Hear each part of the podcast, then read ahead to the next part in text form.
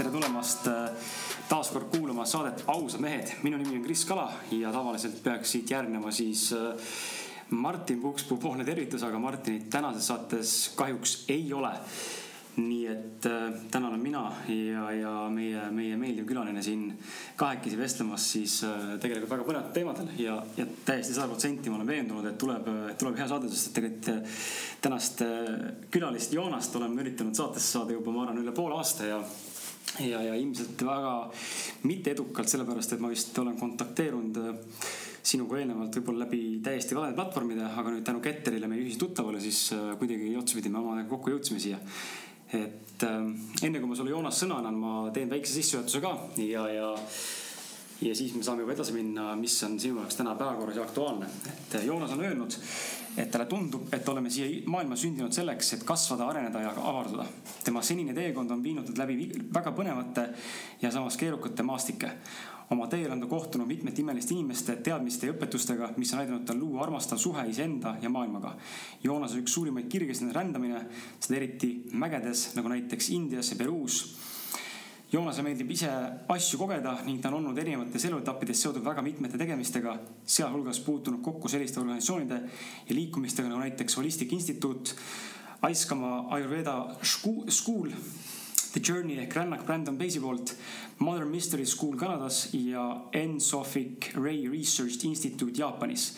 lisaks on Joonas tegutsenud kinnisvarasektoris, rännak Eesti organisatsiooni juhtimisega Eestis ja Skandinaavias, korraldanud seminare ja täna tegutseb ta peamiselt koolitaja, mentori, coach'i ja tervendajana ta on ehe maailma ja elurändur, elukutseline eluuurija.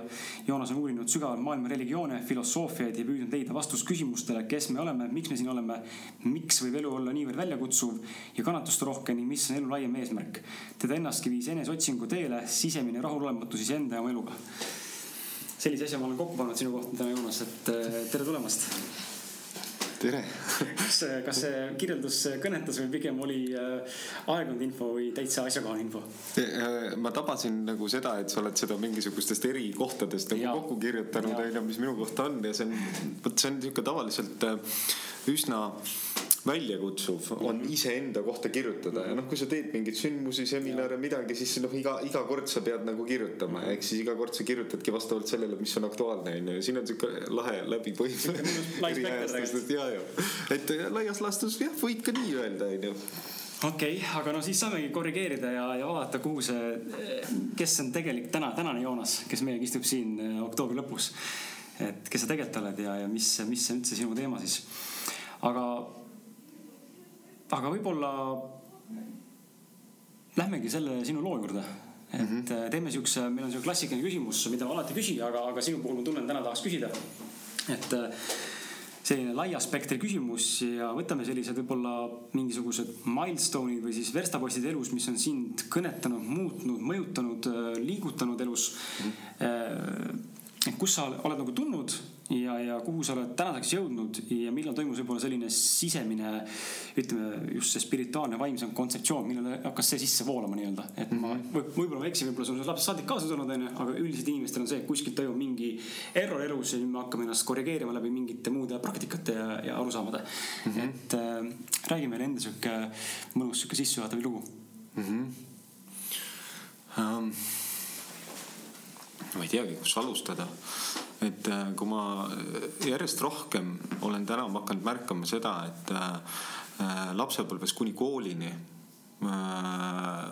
võiks öelda, et ma elasin mingis, mida võib-olla saaks kutsuda valgustunud teaduseks mm. -hmm. tohutu selgus, kohalolu, aga arusaamatus maailma osas.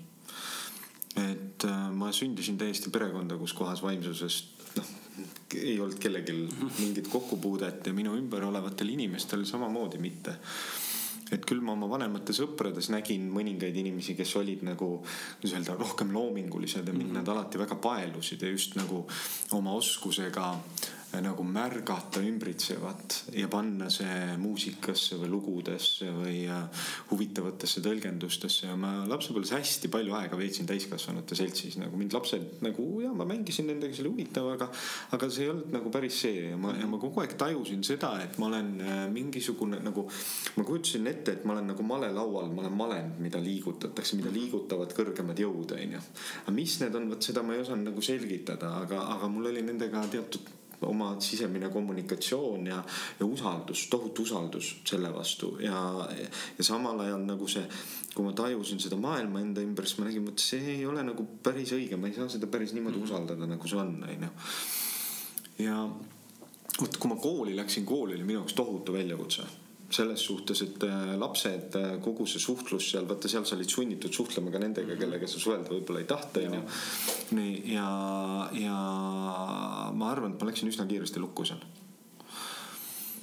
Äh, ema ka kirjeldab tagantjärgi mulle, ütleb, sa oled täiesti kuldne laps, noh, briljantne laps, kogu aeg oli hea olla, ise toimetas, läks magama omal ajal, ärkas omal ajal, nagu kõik töötas aga kui see koolimineku osa oli, siis oligi, see oli nagu kaks mind, et nagu üks oli, mis siis oli siukses nagu igapäevases elus ja nädalavahetuseti me elasime tegelikult suvilas, meil oli äh, Vihterpalus suvila, siiamaani on mm -hmm.. nihuke mere ääres äh, koht ja, ja seal äh, mul tekkisid kaks sõpra, ma olin, ma arvan, neli, kui nad mind esimest korda kalale kaasa võtsid, nad olid mu isa sõbrad. ja sellest sai sihuke paadunud kirg ja ma, ma arvan, kuni äh, kuueteistkümnenda eluaastani käisin kõik nädalavahetused, kõik suved, nii palju, kui ma olin kogu aeg kalal. aga noh, vaata see eesmärk ei olnud kalal käimine tegelikult, vaid see eesmärk oli see, et sa läksid loodusesse, sa läksid sellest inimkeskkonnast välja ja sa läksid loodusesse täiesti absurdsetel aegadel noh, hommikul, kui kõik teised magavad, on ju, enne päiksetõusu juba, noh, ma olingi sihuke neile ka tõsine õnnistus, sellepärast et äh, ma ärkasin vara. Ma väntasin jalgrattaga kilomeetri läbi pimeda metsa nende juurde, panin kohvimasina tulele, ajasin tüübid üles, on ju, siis võtsime paadi või kanuu või millega me parasjagu läksime, on ju, ja läksime siis kalavetele ja ma arvan, et see oli asi, mis äh, mind tegelikult hästi hoidis nagu ühenduses äh, et äh, ma ei kujuta ette, kui mu elust oleks see etapp nagu olemata olnud mm. -hmm. ja, ja see andis mulle siukse märkamisvõime, hästi suure märkamisvõime tajuda ümbritsevaid keskkondi, vaadelda ümbritsevaid keskkondi äh,. märgata hoopis teisi asju, et kui ma vaatan merd, et äh, ma näen nagu seda nii-öelda liikumist merel, aga äh, lainete või vee liikumist, aga ma samas hoopis jälgin seda, et kus kohas liiguvad kalad näiteks mm. -hmm ja see on juba tead, võtab päris pika praktika, et sa jõuad nagu sellest arusaamiseni. ja. Et ma arvan, et tegelikult see oli minu esimene nagu sihuke vaimne, vaimse teekonna algus või vaimse tee, sissejuhatus vaimse teekonda, sest tagantjärgi nüüd ma olen jõudnud nagu läbi kõige, mille ma olen õppinud uuesti tagasi looduse juurde ja loodusvaatluse juurde ja minu lemmiktegevus täna on looduses istumine või olemine, mm. jalutamine, lihtsalt seal aega veetmine äh,. aga vahepeal siis äh,, mis ma siis rääkisin, kuni kuueteistkümnendani oli nagu see, noh, siis tuli see teismeiga peale. ja noh, see oli hästi väljakutsuv, sellepärast et kuna ma ei olnud endiselt nagu seda sihukest vaimsust kui sellist avastanud enda jaoks, siis see meeletu energia, mis mu sees oli äh,, hakkas otsima tõesti igalt poolt. ja ma olen vot sihuke põnev kuju, et äh, ma lähen ja avastan kõike, mis ette satub, et ma lähen nagu ma liikusin väga erinevates seltskondades, väga erinevates sotsiaalsetes kihtides mhm. onju mm -hmm.. et ma ei ole kunagi kuhugi jäänud püsima. Äh, ja see pole ka vist minu eesmärk, aga minu eesmärk on minna vaikselt natuke sisse, vaadata, ahah, mis seal toimub, teha omad mm -hmm. järeldused, siis liikuda välja, liikuda järgmisse kohta onju ja, ja eks ma suutsingi siis nii-öelda seda sihukest modernset kultuuri jälgides, sest sellel hetkel oli noh, kui mina olin kuusteist, äh, oli just äh, toimunud nii-öelda ajastute vahetus Eestis onju. see oli sihuke korralik kauboikapitalism, mis siin toimus, eks. ja, ja noh, ühiskondlik väärtus tundus olevat nagu äh, kapitalile seatud ja noh, eks ma siis tegin järelduse, et see on see, mille suunas tuleb liikuda onju mhm ja hakkasin siis nii-öelda taga ajama oma iseseisvust, majanduslikku sõltumatust onju, ma juba kuueteist aastaselt käisin tööl tegelikult kooli kõrval. ja äh, jah, ma, ma võiks öelda, et ma saavutasin selle, aga ma jätsin tegelikult vahele väga palju oma nooruse. et äh, ma tegelikult väga, väga noh, ma ei tahaks öelda, ma kahetsen, aga mul on natukene nagu sihuke kripeldav äh, nagu tunne, et ma, vot ma täna elan Tartus mm. -hmm. ja kui ma vaatan seda Tartut ja seda Tartu elu onju, siis mõtlen, tegelikult oleks tahtnud ülikoolis käia nagu õppida midagi, mis on kihvt onju, mis sulle endale meeldib onju, elada sihukest üliõpilaselu, et see läks minust mööda mm. -hmm. et ma läksin kohe pärast keskat äh, ülikooli, kuigi ma ei tahtnud seda teha üldse. aga noh, see oli sihuke vanemate vaata, kui on kõrgharitud perekonnast oled pärit, siis ei ole võimalik, et sa sellest nii-öelda nagu. Pole teist varianti.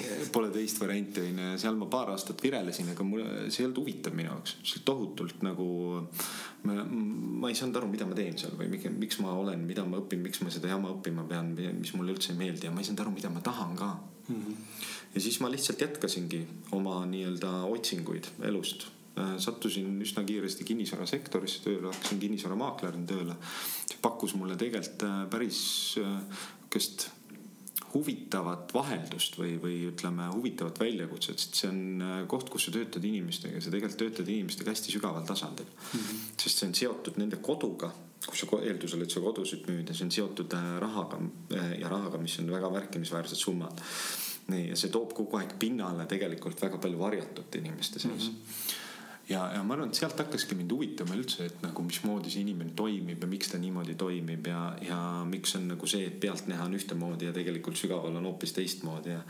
ja kuna ma niimoodi äh, kinnisvaramaaklerina üsna tihti mulle tundus, et ma olen nagu perekonnapsühholoog ka, et noh, et ma kuulsin ikka selliseid lugusid, mida teistele inimestele ei räägita ja kui inimesed tead lahti läksid, hakkasid jagama igasugust tagamaid, miks nad midagi müüvad või, või see toimub, siis see järjest rohkem tekitas huvi ja ma ja siis ma hakkasingi lugema sihukest vaimset kirjandust vaikselt kõrvalt oskad sa nimetada esimesi siukseid vaimse kirjanduse? ja ma mäletan, ma mäletan küll äh, üks esimesi vaimse kirjanduse kohtumisi, see oli, tegelikult see oli varem, see oli, ma arvan, ma olin umbes kaheksateist ja siis mu nii-öelda naabripoisid, kes äh, mm, nagu nad, mulle tundus, et nad elavad veel põnevamas maailmas kui mina, onju. Nad olid psühhoteelikumidega hakanud nii-öelda mhm. testima, ma sinna veel ei julgenud minna, onju.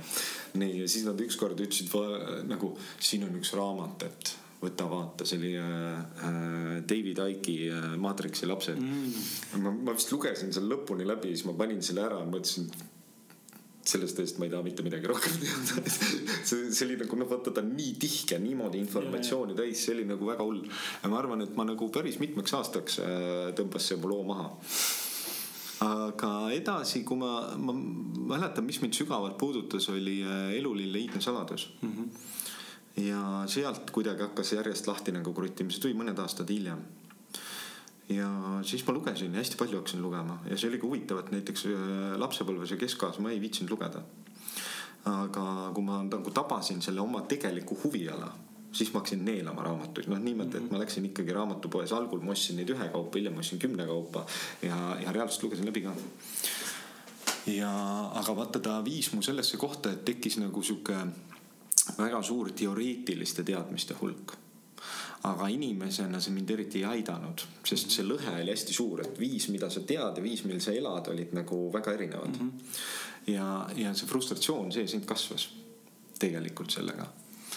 ja mingi hetk ma sattusin Holistika Instituudi äh, ukse taha või äh, kuulama ühte nii-öelda sissejuhatavat või tutvustavat loengut ja mul sel hetkel olid äh, ka tekkinud üks tore sõber Alar Tamming me niimoodi põgusalt tundsime teineteist ja kuna ma teadsin, et ta oli seal teele läinud, ta oli selles koolis käinud ja, ja ühes teises veel Tartus on see Jure Pehovski kool onju mm -hmm. ja siis me kuidagi sattusime sellest rääkima ja siis ma küsisin ta käest ka, et noh, et, et mida sa soovitad ja, ja ta ei osanudki soovitada täpselt, ta ütles, et mine kuula ja vaata ja siis ma läksin, kuulasin ja tead, see õhtu mul tekkis sihuke äratundmine, ma tundsin, voh, see on täpselt minu kool.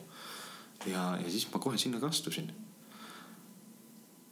ja see oli kõige põnevam aasta minu jaoks, see esimene, esimene aasta on seal sihuke nagu teekond iseendani onju mm -hmm.. mäletagi, mis selle nimi täpselt oli, eneseavastusaasta. Ja siis ma keerasin oma elu totaalselt teistpidi selle aastaga, sisuliselt, et äh, ma nagu hakkasin ära tabama nagu, kes ma olen, miks ma siia üldse tulnud olen. Ja kuna see kõik, mida ma õppisin, oli nii huvitav ja nii põnev kogemuslikul tasandil, et ta ei olnud enam niivõrd teoreetiline, seal oli üksjagu teooriat ka, aga kogemuslikul tasandil, kui sa regressiooni hakkad tegema ja käima oma lapsepõlves äh, nagu nendes sõlmpunktides, kohtades, kus kohas on nagu tekkinud mingisugused äh, mõtlemisharjumused äh,, emotsioonid kinni jäänud, käitumisharjumused on ju, ja siis sa hakkad nagu tajuma seda teatud plastilisust, et sa oled võimeline väga palju muutma ennast ja oma nii-öelda taju ja oma eelarvamusi maailma suhtes nagu hakkama nagu mõtlema kastist väljaspool. ja see oli nii inspireeriv, ehk siis ma jätkasin sellel teel. ja tõingi oma ellu sisse sellest hetkest järjest rohkem seda sihukest vaimset olemist, vaimset vaatlemist, vaimset toimimist ja. ja selleks hetkeks ma olin, juhtisin Remaxi kinnisvarabürood ja siis ma hakkasin inimestega tegelema, et kõik uued maaklerid, kes tulid, ma hakkasin neid koolitama ja see oligi naljakas, et kui esimene koolitus oli kolmepäevane, mis oli sihuke praktiliste oskuste töötuba, siis ma avastasin, et üsna pea oli see, et ma rääkisin üks päev praktilistest oskustest ja kaks päeva nagu asjadest, mis tegelikult on olulised mm. -hmm ja selle tulemus on täna väga hästi näha, et need, kuna ma lõpetasin noh, üsna pea, kui ma nagu sellega olin alustanud, et mingi aastakene tegin, siis need tüübid, kes keda ma koolitasin seal, on täna kõik või suur osa nendest on äh, väga edukad äh, maaklerid, äh, kinnisvarabüroode omanikud ja elavad väga sihukest rahulolevat, tasakaalustatud elu, mulle tundub. et nad nagu tõesti, neil oli sellest kasu nii et see oli nagu minu jaoks on nagu hästi hea avastus nagu näha, et äh, tegelikult neid praktilisi oskusi meil ei olegi niivõrd vaja, kui meil on vaja elulisi oskusi mm. -hmm. ja kui me neid rakendame, siis need praktilised oskused sinna peale töösse võtame, siis me tegelikult jõuame ka äh, selgemalt selle rahuloluni, mida me otsime. ja las ma nüüd mõtlen siis äh, ja sealt ma edasi läksingi, tekkis mul sihuke koolitajaks olemise soov või, või mitte koolitajaks, võib-olla see soov ei olnud koolitajaks olemine, aga see lihtsalt oli nagu see soov, et jagada. jagada seda, mis mind paelus, mis mind huvitas, sest ma praktiliselt ainult sellega hakkasin tegelema, lugesin, huvitusin sellest kogu oma nii-öelda vaba aja veetsin arutledes nendel teemadel võib-olla mm. -hmm et mul oli ka hästi kihvt partner tekkis ja väga kihvtid uued sõbrad tekkisid, kellega ma nagu sellel teemadel valdavalt suhtlesime, eks ja, ja siis ma jõudsin selleni, et ma otsustasin, et ma tahan Võrumaale kolida, et ma ei taha Tallinnas olla, et ma tahaks välja sellest maatriksist, mis siin on. sellest kiirustamisest, mis siin on ja mulle tundus, et ma ei saa oma sellest kinnisvaratööst ka muidu lahti, sest telefon ikka kogu aeg heliseb, onju, et ma pean kolima Võrumaale ja siis ma tegin siukse päris pöörase otsuse. osta üks koht seal ja noh, see on omaette pikk lugu, ma ei hakka mhm. sellest rääkima nii palju. ja, ja seal ma maandusin ja kolm aastat veetsin ka seal ja see oli väga kihvt aeg. selles mõttes äh, ta oli raske aeg. sa olid üksinda või koos partneriga? ma läksin koos partneriga mm. -hmm ma ei teadnud, mida ma tegema hakkan, mul pole tõrna aimu, kuidas ma seal elama hakkan, mida tegema hakkan, kuidas see kõik juhtuma ja toimima hakkab ja esimene osa, kui sa sinna lähed, on see, et kui sa selle vaikusega kohtud, mis seal on ja sa noh, ma ei võtnud kaasa televiisorit ja raadiot ja äh, asunud nii-öelda nagu täitma oma päevi millegi sellisega mm, -hmm. siis äh, tohutult hakkas igast asju ülesse tulema. ütleme sügis Võrumaal. see on väga sügav sisekaemuslik koht. ja see kolm aastat kinkis mulle mingi täiesti teistsuguse kogemuse iseendast, maailmast ja ma selle kolme aasta jooksul ka tegelikult äh, sattusin hästi huvitavatel sihukestel müstilistel asjaoludel Brandon Basie rännaku otsa üsna alguses juba. ja siis sai tehtud sihuke pöörane otsus, et tuua ta Eestisse äh,. ma ei teadnud, kuidas seda teha, ma polnud kunagi nii suuri seminare korraldanud, esimene seminar oli meil mingi kolmesaja inimesega, ma polnud kunagi korraldanud mm, -hmm. ma ei teadnud turundusest midagi, ma ei teadnud ka väga palju rännakust sel hetkel aga kuidagi see oli sihuke hästi tugev sisemine äratundmine, et peab. ja, ja siis ma hakkasin seda teed käima, et ma listilises äh, tegin veel ühe aasta ja siis tuli see rännak vahele, siis ma sattusin Brandon Basie juurde ja hakkasin, veetsin järgnenud aastat temaga õppides ja minnes tema nagu siukseid advanced programme mööda edasi ja noh, sealt tagant tuli terve teine universum lahti nagu üks äh, väga huvitav äh, India pühakute liin mida, mille nii-öelda energiat tema kannab tegelikult ja. ja sealt läks asi väga palju müstilisemaks ja huvitavamaks ja on siiamaani ainult süvenenud. nii et noh, võikski öelda, et ma arvan, et see oli sihuke, mis ma siis võisin olla, täna ma olen kolmkümmend seitse saan kohe. see oli sihuke kahekümnendate lõpp, kui ma siis tõeliselt tundsin, et voh, nüüd ma olen oma teele sattunud mm. -hmm nüüd ma käin seda õiget rada, kuigi samal ajal noh, seda rada käies, on kogu aeg täis nii palju üllatusi ja nii palju nagu pöördpunkte Äh, aga sa või, võiks nagu öelda, et, et sellest hetkest alates on olnud minu elu siis äh, ainult selle sihukese vaimse tööga tegelemine. ühtepidi enda sees ja teistpidi seda kogemust jagades nagu väljapoole. jah, aga huvitav on see, et sa seda Matrixi lapse mainisid, Aiki, sest ka minu äh, teekond kümme aastat tagasi sai ma arvan, et see alguse haigist väga tugevalt, et kui ma selle raamatu kätte sain, siis äh, ma leidsin selle juhuslikult, ma olin vist hakanud süübima sellesse külgetõmbeseaduse The Secret'i ja kogu see energia ja kvantfüüsika poole peale kuidagi täiesti lambis seitsmeteistaastaselt ja siis noh, tegelikult see ei ole lambis, ma saan aru, ise vaatan ka tagasi, siis ma näen, minu elus on ka olnud äh, lapsest saati väga palju sellist esoteerilist mingit tõuget, kus siin taga, tagataustal niimoodi. ja siis, kui haige kätte sain, lugesin seda raamatukogust, leidsin kuskilt selle, selle pildi, et seal on see reptiil ja siis on see blond, blondi sinisilmne, tähendab blondi peaga sinisilmne Eh, profiil. siis, kui ma seda lappasin, siis mul kukkusin ka sealsamas Perseli koha raamatukogus, et see oli siinsamas raamatukogus. et seda oli lihtsalt, seda infot oli nii palju seal ja siis ma ammutasin Aiki vist mingi aeg ka ja. ja sealt asi läks nagu, et noh, tänaseks ma muidugi selles olen kinni niimoodi eluvandenõus, et ma saan aru, et see üks osa sellest, mis siin olla võib, aga, aga tegelikult on siin palju põnevaid muid asju veel noh, see on vaata mingi etapp, mis ma olen näinud inimestel toimumas, on nagu kui noh, avastatakse see vandenõu nagu reaalsus on ju ta äratab, onju, ja noh, me ei saa eitada. ja me ei saa ka jaatada, me ei saa öelda, et nii on ja me ei saa öelda ka nii ei ole mm. -hmm. aga mind hakkas nagu väga palju paeluma rohkem, et mis seal taga on mis selle põhjustab nagu, mis see disain üldse universumis on, onju. Mhm. ja noh, see viis mind üldse veedade radadele ja, ja ütleme siis võtame, mis on, et kes ei tea, mis veedad on, see on siis, millel põhineb hinduistlik kultuur, onju ja budismi ja noh, üldse hästi palju ma olen süvenenud sihukestesse eri, eri religioonidesse onju ja, ja ka müstikakool oli ühel hetkel, mis mind nagu hakkas tõmbama, paeluma, sest mind huvitas väga see, miks asjad on nii, nagu nad on mm. -hmm. et okei okay,, kui ma saan aru nagu, mis on minu koht siin nagu äh, maailmas, okei okay,, selge, mis, kes ma sihuke olen, mida ma siin tegema pean, mis on see nagu laiem kontekst, aga, aga mida me siin üldse siis teeme ja miks me teeme ja, ja miks on selline olukord loodud, onju. Need olid hästi põnevad küsimused. aga küsikski võib-olla seda, seda müstikakooli kohta ja mul tegelikult küsimus ka selle kohta kirjutatud, sest mind tegelikult ennast huvitas, see nimi on mul läbi käinud siin. ma arvan, et äh, ütleme kümne aasta jooksul mõned korrad, mitte väga palju, aga ma olen seda nime nagu, kui palju tuttavalt kõlab, et äh, räägi siis, mis asi on see Modern Mystery School äh, ja, ja mis seal nagu tehakse või, või mis see, ta, ta on, ta on, äh, ta on niisugune nagu teadmiste varamu, et noh, et selle, see kontekst, ma annan selle natuke laiema konteksti mm. -hmm. Et kui paar tuhat aastat tagasi hakkas äh, ajastu, kus kohas äh,, kus noh, võiks öelda, et inimesed hakkasid sisenema sellesse pimeduse ajastusse, onju see on jälle muidugi sihuke kontseptsioon, aga, aga, aga me võime, kui me vaatame ajalooliste sündmuste tõlgendust, siis me võime täheldada seda, et inimkond hakkas kuidagi nagu hävitama seda, mis hoidis pärimust elus, onju ja tohutult palju oli selles muidugi seotus kristlusega, mis hakkas levima laialt ja hävitama kõike nagu, mis ei toetanud nii-öelda seda dogma, eks. Ja, ja aga see ei olnud ainult kristlus, vaid oli äh, igasuguseid põnevaid ettevõtmisi, millega inimesed tegelema hakkasid. Ja müsteeriumikoolid, noh, nad eksisteerisid enne seda aega juba, nad on väga-väga pikka aega olnud planeedil, keegi ei tea täpselt, kui kaua, noh, võib-olla on keegi, kes teab, aga see ei ole mm -hmm. nagu sihuke, mina ei tea.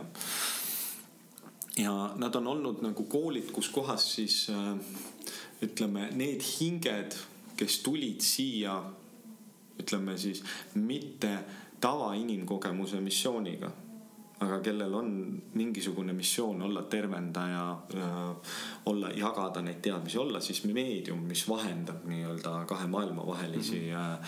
suhteid, on ju, siis äh, nemad enamasti jõudsid müstikakoolidesse, sest ühel hetkel oli vaja neid teadmisi ja tarkusi, on ju. Äh, ja eks siis sinna kogunes tegelikult tohutu varamu ja nüüd siis paar tuhat aastat tagasi, kui vaimsus hakkas järjest rohkem põranda alla kolima, et oli nagu sihuke laialt aktsepteeritud asi, mis või spirituaalsus, noh, mis tihti läks siis religiooni mõiste alla, onju. ja müstika siis, mis kuulus nagu siuksesse, ma ei tea, paganlikku valdkonda või mm. kuhu, tabu, tabuvärk. tabuvärk, onju. siis nad kolisid põranda alla ja, ja noh, see ikkagi päädis sellega, et müstikakoolid pidid ikka väga selgelt varjama oma olemust ja oma tegevust ja, ja kolima nii-öelda inimesele ligipääsmatutesse kohtadesse. aga samal ajal, eks see õpe jätkus seal ja läks äh, rohkem siis võib-olla väga individuaaltasandile onju, et mhm. anti, jagati siis ühelt nii-öelda teadmiste hoidjalt äh, järgmisele, eks. Ja noh, sisuliselt see seltskond elas äh, suures osas noh, ma ütleks siukses teadlikkuses Äh, mis maailmas toimub tegelikult, aga nad ei saanud sellega mitte mingit moodi välja tulla ja lihtsalt põlvkond põlvkonna kaupa vaadates seda, kuidas inimkond ennast mõnusalt auku kaevab ja mm -hmm. ja nii-öelda hulluks läheb. Äh, ja neid on maailma eri otsades. ja neid on palju, ei, ei, ei äh, kaugeltki mitte, neid on, ma arvan, et neid on igas riigis teatud viisil, aga neil on erinevaid süsteeme nendel müsteeriumikoolidel ka, et see on, see on terve omaette universum, mis seal on aga selles süsteemis siis, kus mina õppisin, seal on seitse tükki neid eri äh, maailmajagudes. ja see Kanada oma on siis äh, saanud alguse üheksakümnendatel. Jõuti siis sellesse kohta, kus kohas inim, ütleme, see inimteadvuse ärkamine oli jõudnud juba sellesse tasandisse, kus need teadmised võisid, võidi avalikustada sest see ei olnud enam ohtlik, noh, natukene varem oli see, et sul tead, kaotasid pea, kui sa selle asjaga mm -hmm. välja tulid, onju. me siin lähiajaloost teame nii, nii mõndagi tegelast, kes äh, tuli ja ütles näiteks, et maa ei, et päike ei keerle ümber maa, vaid on vastupidi, onju, oleks oma peast ilma jäänud selle eest et äh, ei olnud kõige targem ajastu. nii ja äh, siis üks kool, mis on siis Põhja-Ameerika kool otsustas oma uksed lahti teha ja hakata jagama seda teadmist ja siis nad lihtsalt kujundasid sellest siukse, kuidas ma ütleks, koolitusorganisatsiooni, mis siis viid, tõsteti Kanadasse, mis sai nimeks Modern Mystery School. Ja kust alt siis hakati õpetusi jagama ja nüüd ta on levinud hästi paljudesse riikidesse üle maailma. mina puutusin temaga kokku kõige esmalt Iisraelis ja siis Londonis mm. -hmm ja, ja siis ma mingi hetk kutsusin selle õpetaja, kes mul oli väga heaks sõbraks saanud. ma tegelikult tundsin teda enne juba, kui ma müsteeriumikooli läksin, siis tema kutsus mind ma läbi Brandon Base'i tundsin teda, Shani. ja siis äh, Shani niimoodi vaikselt paar aastat mind tinistas juba, et tule, tule ja siis ma lõpuks jõudsin kohale sinna ja kui ma sinna jõudsin, siis ma avastasin nagu väga põneva õppe enda jaoks, mida ma ei olnud kuskilt raamatutest tegelikult välja lugenud ja, ja mis äh, süvendas oluliselt äh, teatud vajalikke spektreid, millele ma ei olnud võib-olla tähelepanu niimoodi osanud pöörata. ja siis ma õppisin seal ja seal on noh, lõputult võimalik, seal ma arvan, mida nad avalikult pakuvad, on üle viiesaja kursuse. kõikvõimalikel teemadel aga noh, ütleme, et see läheb ikkagi nagu müsteeriumi valdkonda, et see ei ole nagu see, et kui, kuidas olla edukam igapäevaelus, vaid et seal on. ja kui sa tahad õppida, äh, mis asi on haldjate maailm ja kuidas äh, haldjatega ühendust näiteks luua, on ju, et siis sul on võimalik sellesse süvendatult minna või kui sind huvitab püha geomeetria ja ja selle kasutamine nii-öelda oma tervenduskunstis või üldse laiemalt elus saad sellega -hmm. süvitsi minna. Äh, tead, seal on hästi palju asju, millesse ma peaks natuke pikemalt seda konteksti kirjeldama, et nagu neid veel näiteid tuua, aga. ja ja siis ma käisin, õppisin, ma praegu ei ole nüüd aktiivselt selles osalenud, sest ma sain nagu lühikese ajaga sealt niivõrd palju, mida integreerida ja, ja täiesti uue nii-öelda nimekirja põnevatest raamatutest, millesse süveneda, mida lugeda, mis ei ole siuksed, ütleme tavamõistes populaarsed raamatud, mida sa pead tegelikult oskama otsida mm. -hmm. ja siis ma olengi nende otsas seal vaikselt istunud, oma praktikaid teinud ja, ja rakendanud seda oma igapäevaellu ja ma arvan, et kõige kihvtim kogemus oli, kui ma sealt läksin edasi, mis kuulus selle kooli juurde, on see Sophic äh, Ray Healing Institute, et äh, äh, mis on siis Jaapanis ja see on siis, Sophic Ray on põhimõtteliselt äh, mm, ütleme, Reiki on midagi, mis on sündinud sellest, Reiki on osa Ensofic Ray'st, aga see on siis algupärane nii-öelda Reiki kunst mm -hmm. ja filosoofia. ja noh, nagu ütleme, äh, ma ise ei väga kasuta seda mõistet reiki, sellepärast et see on jälle läänemaailmas niivõrd palju moondunud, et noh, et kui sa saad tegelikult teada nagu mismoodi ta sealt imbus Ameerika kultuuriruumi ja mis temaga seal tehti. nii ja, ja mismoodi seda täna nagu kasutatakse, on ju, et siis noh, see on üsna erinev sellest, mis see tegelikult see algupära on aga ma teda nagu kunstnina teatud mõttes kasutan ja ka äh, nii-öelda töös inimestega ja. Väga-väga võimas, põnev kunst huvitav on, huvitav nagu on see, et sulle otsa vaadates, sest sinus, ma kogu aeg üritan vaadata, et äh, sa vaata vahepeal rääkides, vaatad ülesse.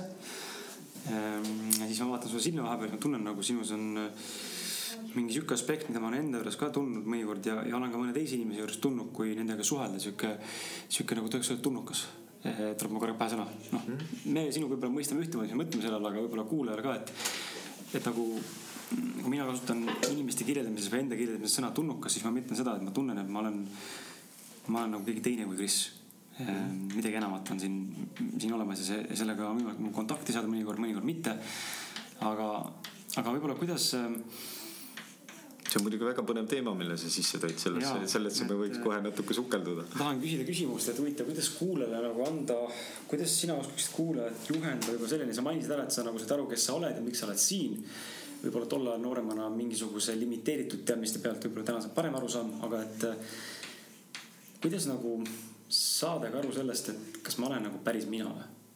Kui ma ei ole, ei ole veel kontakti nagu äh, saanud või tundnud seda teist olemust või mingit sügavamat tundmust iseendast, siis et kas see, kes ma igapäevaselt olen, kas see ikka olen mina?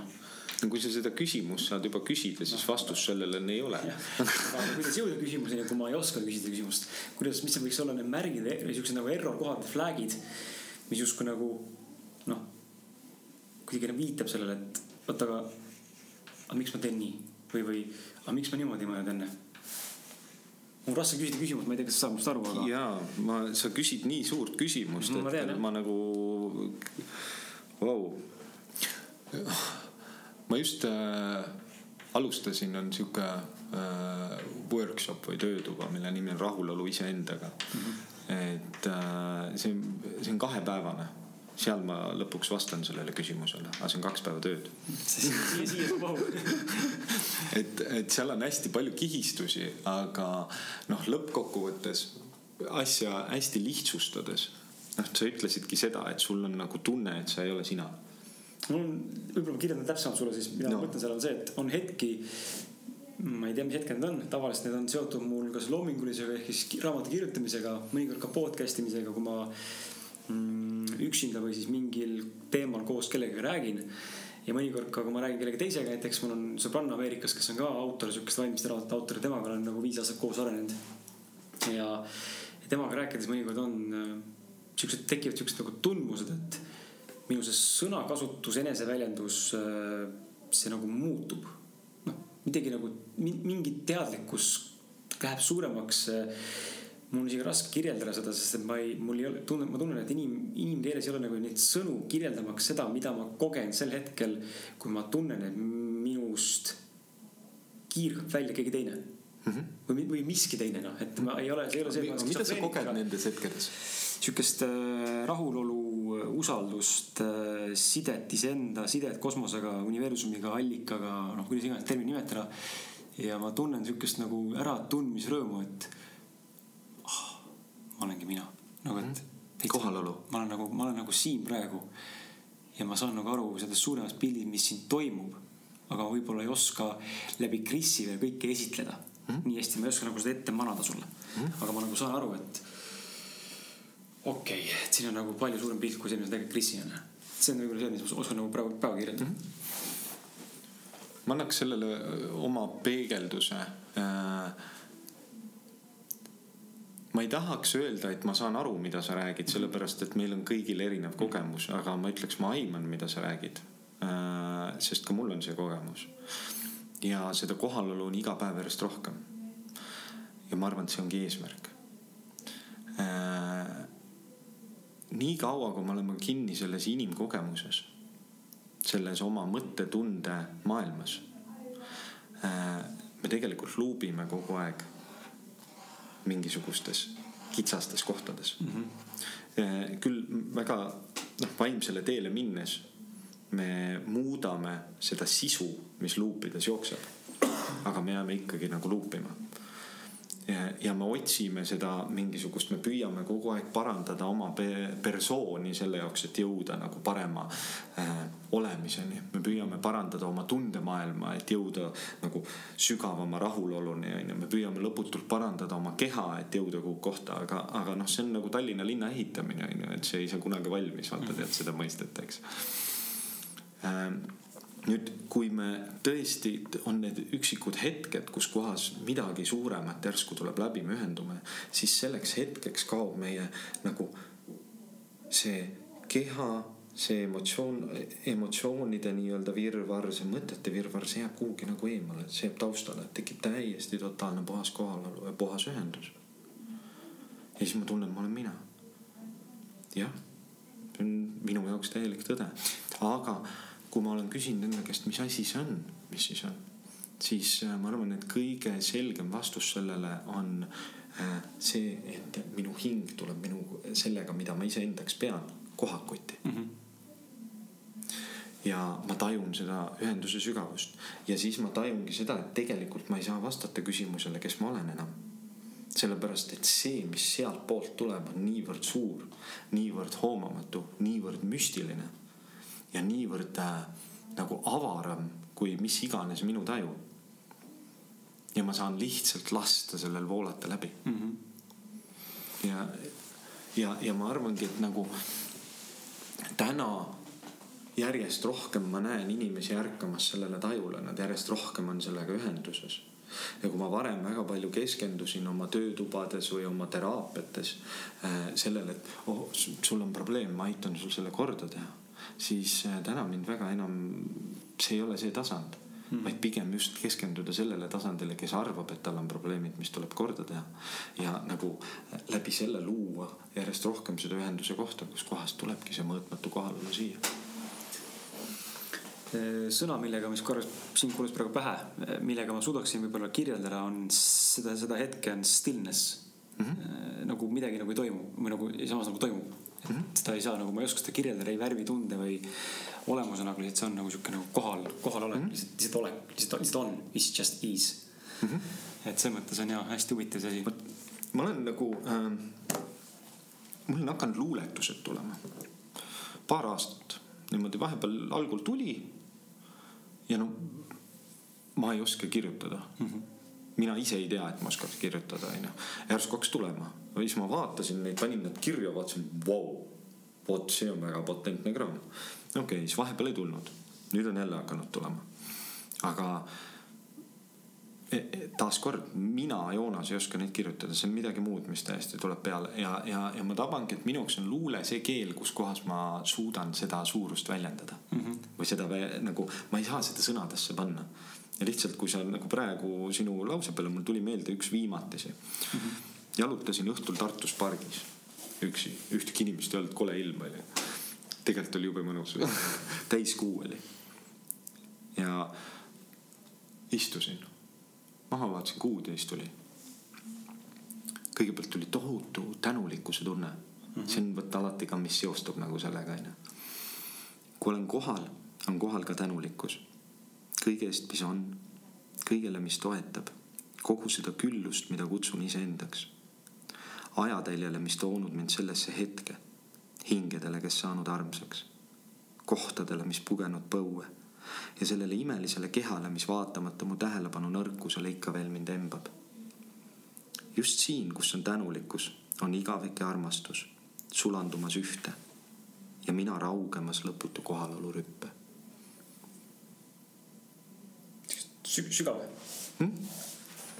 Aga lihtne, et siin ongi see, see mina raugemas lõputu kohalolu rüppe, et see mina kaob ära eest mm, -hmm. kaob pildilt. et äh, mida, mida selleks teha? meie sees äh, tegelikult väliselt ei saa mitte keegi öelda meile, mida selleks teha, et neid ühendusi luua. see meil kõigil on unikaalne teekond selleni. aga äh, on teatud tegevused, mida saab teha. Ja ma arvan, et kõige olulisemad tegevused selle jaoks on iseendale ruumi tegemine. alustada nagu sellest pihta, et kui me vaatame seda ümbritsevat maailma, mismoodi me seda elu praegu elame. meil on küll tohutult mugav ühiskond, aga kas meil vabadust selles on mm? -hmm. jätame kõik need igasugused äh, äh, vandenõud, asjad äh, kõik kõrvale. võtame lihtsalt reaalselt nagu oma igapäevaelu vaatluse alla küsime nagu selle küsimuse, kui palju mul on vabadust olla mina ise. kui palju mul on vabadust olla iseendaga ja isegi kui me oleme vaimsel teel, kui palju mul on tegelikult aega lihtsalt peatuda, mitte midagi teha, olla. Kui ma seda küsimust küsin inimeste käest, ma üldjuhul saan ikkagi vastuseks, kui ma süvama, sügavamalt hakkan sinna sisse vaatama, saan vastuseks seda, et ega ikka eriti ei ole küll mm. -hmm. ja nüüd tekib minul küsimus, mis on kogu selle vaimse teekonna eesmärk suhte loomine iseendaga. suhte loomine sellega ja seesama, ma, ma nimetan ka siin iseendaks seda palju suuremat mm. -hmm. ja, ja võib-olla olekski ennekõike suhte loomine tegeliku minaga. aga tegelik mina saab avalduda ainult siis, kui ma olen loonud piisavalt vaikust ja rahu. ja kui ma teen neid asju, mis mind tegelikult inspireerivad. sest jälle, kui ma olen selles kiirustavas maailmas siis ma enamasti ei tee neid asju, mis mind inspireerivad, sest mu kogu mu aeg kaob nagu siukse igapäevakohustuste tegemise alla.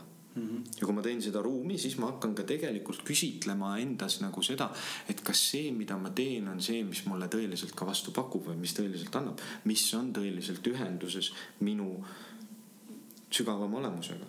ja vastus sellele küsimusele pea ei tea pea vastab, see on nagu, pea on kõige suurem enesepettuse äh, tööriist. kui sa sealt otsid vastuseid, siis sa alati petad ennast peaaegu mm. -hmm. nii, aga süda teab seda ja see ongi nagu see, see sügavam tundetasand ja ma ei pea ka siin silmas neid emotsioone, et noh, et, et väga tihti ma kuulen inimesi rääkimas, et noh, et tehke ainult seda, mis teile meeldib, onju, ja siis nad hakkavad põgenema selle eest, kui neil tuleb mingisugune emotsioon pinnale nagu, millega ei taha silmitsi seista. ei, see ei ole see sest äh, väga tihti ongi see, et need, need emotsioonid on lihtsalt nii-öelda kattevari. ja neil on vaja kohale jääda, nendest läbi minna. Ja kui tekib nagu see nagu pärast seda, kui sa oled läbinud oma kogu oma emotsioonide jada tekib see puhas kohalolu, siis selles puhtas kohalolus sa saad tegelikult tundega alles nagu selgitada seda, mis on see, mis on minu jaoks või ei ole. Et mul on äh, üks, üks suurimaid kingitusi mu elus, ma püüan natukene nagu seda lahti rohkem võtta, mida ma räägin, et see tekiks arusaadavaks. üks suurimaid kingitusi, mis mu elus oli, mul oli samas, kui ma Võrumaal elasin, mul oli jube kiire periood, sest ma sattusingi, kuna ma ehitasin maja samal ajal, meil oli väike laps äh, ja ma tegin siis nii-öelda kogu seda rännaku juhtimistööd ja, ja kuna ma sellega Eestis olin hästi hakkama saanud, sai, anti mulle kingituseks terve Skandinaavia ja siis ma mõtlesin, et noh, piisavalt kõva mees, saan küll sellega hakkama, onju ja äh, mul oli nii metsikult kiire, et noh, ma ei saanudki kohal olla. Ja läksin kalale üle pika aja. ja tõmbasin landi, lant oli roos kinni ja tirisin hästi kõvasti ja kui ta lendas, siis ta lendas metsiku hooga ja lendas nii. nüüd pange kõik äh, hingake sügavalt sisse. ta lendas mulle konksuga silma ja noh, see oli terve mm, operatsioon siis, ma olin Hiiumaal, sain siis haiglasse sõita, ma olin õnneks sõbraga koos, et ma ei olnud kaugel mhm. autost onju sain auto, Hiiumaale haiglasse, siis nad võtsid need teised konksud ära ja siis ütlesid, oi noormees, aga teil siin üks on keset silma, et seda ma ei puutu onju. siis sain helikopteriga Tallinnasse haiglasse ja lõpuks tehti mul operatsioon, noh reaalselt nagu see silm lõigati lahti, võeti välja onju ja, ja õmmeldi kinni ja selle tulemusel ma pidin istuma kodus äh, kolm nädalat niimoodi, et ma ei saanud äh,, ma ei tohtinud midagi tõsta mm,. Ma ei saanud midagi lugeda, midagi äh, vaadata, midagi teha, ma lihtsalt istusin kolm nädalat. see oli kõige parem aeg, sest keegi ei helistanud mulle ka, kõik, kes kuulsid sellest, onju, see noh, levis kulutulemes, see oli nii põnev uudis, vaata, noh, see on sihuke mitte harjumuspärane värk, eks, mis juhtub. Ja ma lihtsalt olin ja lasin kogu maailmal ümberringi kokku kukkuda selles võtmes. üsna kiiresti avastasin seda, et, et see, et äh, minu toimimine on ülivajalik selle jaoks, et kõik ümberringi toimiks, nagu ei, see maailm leiab, asendab mm. -hmm. tekivad teised võimalused ja, äh, ja vaatamata sellele, tead, ma olin nagu hästi palju teinud endaga tööd, kuna ma olin väga paljudel seminaridel käinud ja mitte siis teoreetilist, vaid praktilist tööd, ma olin ju aastaid õppinud terapeudiks onju. nii siis holistikas kui äh, rännaku selles ja no igasuguseid muid asju veel juurde, eks väga palju selles ajas oli ka see, ma äh, psühhoteelikumid avastasin mm, -hmm. et ma ka nendega rändasin, onju. Aga reaalselt paigal istudes ma avastasin, kui palju mu sees on ikkagi seedimata tundeid äh,, äh kogemusi äh,, mõtteid. ma arvan, et mingi pool sellest ajast tuli lihtsalt lõputult mingit kraami ülesse. ja kui see kraam kadus, vot siis tekkis sihuke tohutu stillness. sihuke olemise nagu äh, vaikus ja see oli, see oli väga-väga ilus. ja nüüd ma olen sellest juhindunud, ma jõudsin jälle äh, mõned kuud tagasi oma elus sellesse kohta, kus kohas nagu kuidagi tundus, et mida ma teen, ei ole päris õige. või viis, millal ma toimin, aga nüüd ma juba adusin, et see ei ole mm. -hmm. ja ma nagu äh, inimesed, kellega koos ma seda tegin, ma juba hakkasin neile rääkima, et kohe varsti tõenäoliselt juhtub nagu see, et ma taganen sellest, kus kohas ma olen nii, ja see tuli paugu pealt, puhh, niimoodi, järsku tuli tunne, enam ei saa teha. aga eelmist kogemusest õppinuna nüüd ma sain aru, mida teha. Tee mitte midagi. astu välja oma elust, ära püüa mitte midagi parandada, teistmoodi teha. sa, ei ole sellega võimeline, see on lõputu rada ja jada. astu välja oma elust ja ma astusin sisuliselt mingiks pooleteiseks kuuks lihtsalt välja. ja jälgisin kõrvalt, jälgisin kõrvalt, mis toimub ja asjad hakkasid kulgema mingisugust omasoodu teistmoodi, ma ei puudutanud. Ja ma ei püüdnud aru saada, mis, kes ma olen, mida ma edasi tegema pean või pean, see lihtsalt hakkas vaikselt selle kogemuse tulemusel seest jälle sündima. ja see kohalolu tohutult suurenes selle ajaga. ja selles kohalolus ongi nüüd äh,, kuidas öelda, nüüd pärast seda perioodi kui ma hakkas jälle tekkima see tunne, et okei okay,, nüüd ma võin asuda tegudele uuesti, ma võin asuda tegutsema, aga tegutsemise all ma mõtlengi seda, et nagu eh, teha seda, mida ma armastan. Eh, selle jaoks, et see kohalolu saaks läbi voolata. mulle antakse ainult üks samm ette korraga teada. ma ei tea laias laastus, ma tean suures pildis, mis see minu eesmärk on ja kuhu ma liigun, aga väikeseid samme ma väga ei tea ja neid tuleb niimoodi, ahah, okei okay,, see, okei okay,, nüüd tee see, nüüd tee see, nüüd tee see. aga see on, see on tegelikult väga suur kunst, sest see on elamine tohutus usalduses. sa pead nagu lahti laskma oma meeletasandi juhtimisest ja meeletasandi hirmudest, mis kogu aeg püüavad sind sundida kõrvale ja tegema rohkem äh,. nii-öelda korjama pähkleid talve jaoks mm. -hmm. vaid olema hoopis selles siukses olemises, aga mitte ainult jääma kinni sellesse, et sa otse, et sel olemisel ei ole väljendust tegudes. Aga need väljendused tegudes tulevad väikeste doosidena. nii et äh, see on minu tee sinna olnud äh,. meil kõigil on erinev tee mm. -hmm. aga nüüd selles olemises ongi, et, et seal on tekkinud teatud asjad, mis äh, mind tohutult rõõmustavad. Nagu sa mainisid, raamatu kirjutamine, ka ma olen hakanud raamatut kirjutama. kui ma kirjutan, ma lähen voogu, enamasti. ehk siis tee rohkem seda.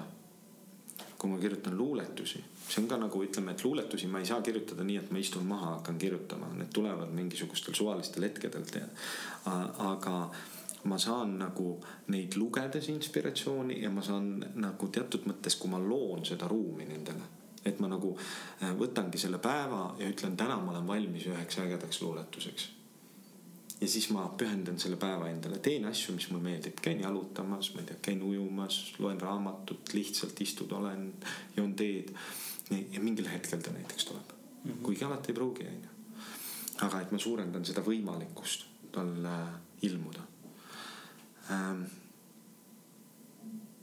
muusika. Minul pole muusikalist haridust, mul pole muusikalist kogemust äh,. Äh, aga muusika on tulnud mu ellu. ja üks väga huvitav kohtumine oli ühe pilliga, mille nimi on Rav, Rav trumm. see on, kui sa tead hangtrummi. ei tea kumbagi kusjuures. Need on siuksed väga põnevad pillid. ja, ja see oli nii kummaline, see pill tuli mu ellu ta on sihuke väga müstiline pill, tundub nagu kuskilt keegi, ta näeb välja nagu ufo ja ta kõlab ka nagu ufo. ja ma sain selle, ma nägin seda pilli, ma tundsin, et op, seda mul on vaja. kui ma selle pilli sain, siis mina seda mängida ei oska. aga nendes teatud hetkedes, kus ma libisen sellesse kohalolusse, siis see teine mina, mis selles ilmneb, tema oskab seda väga hästi mängida.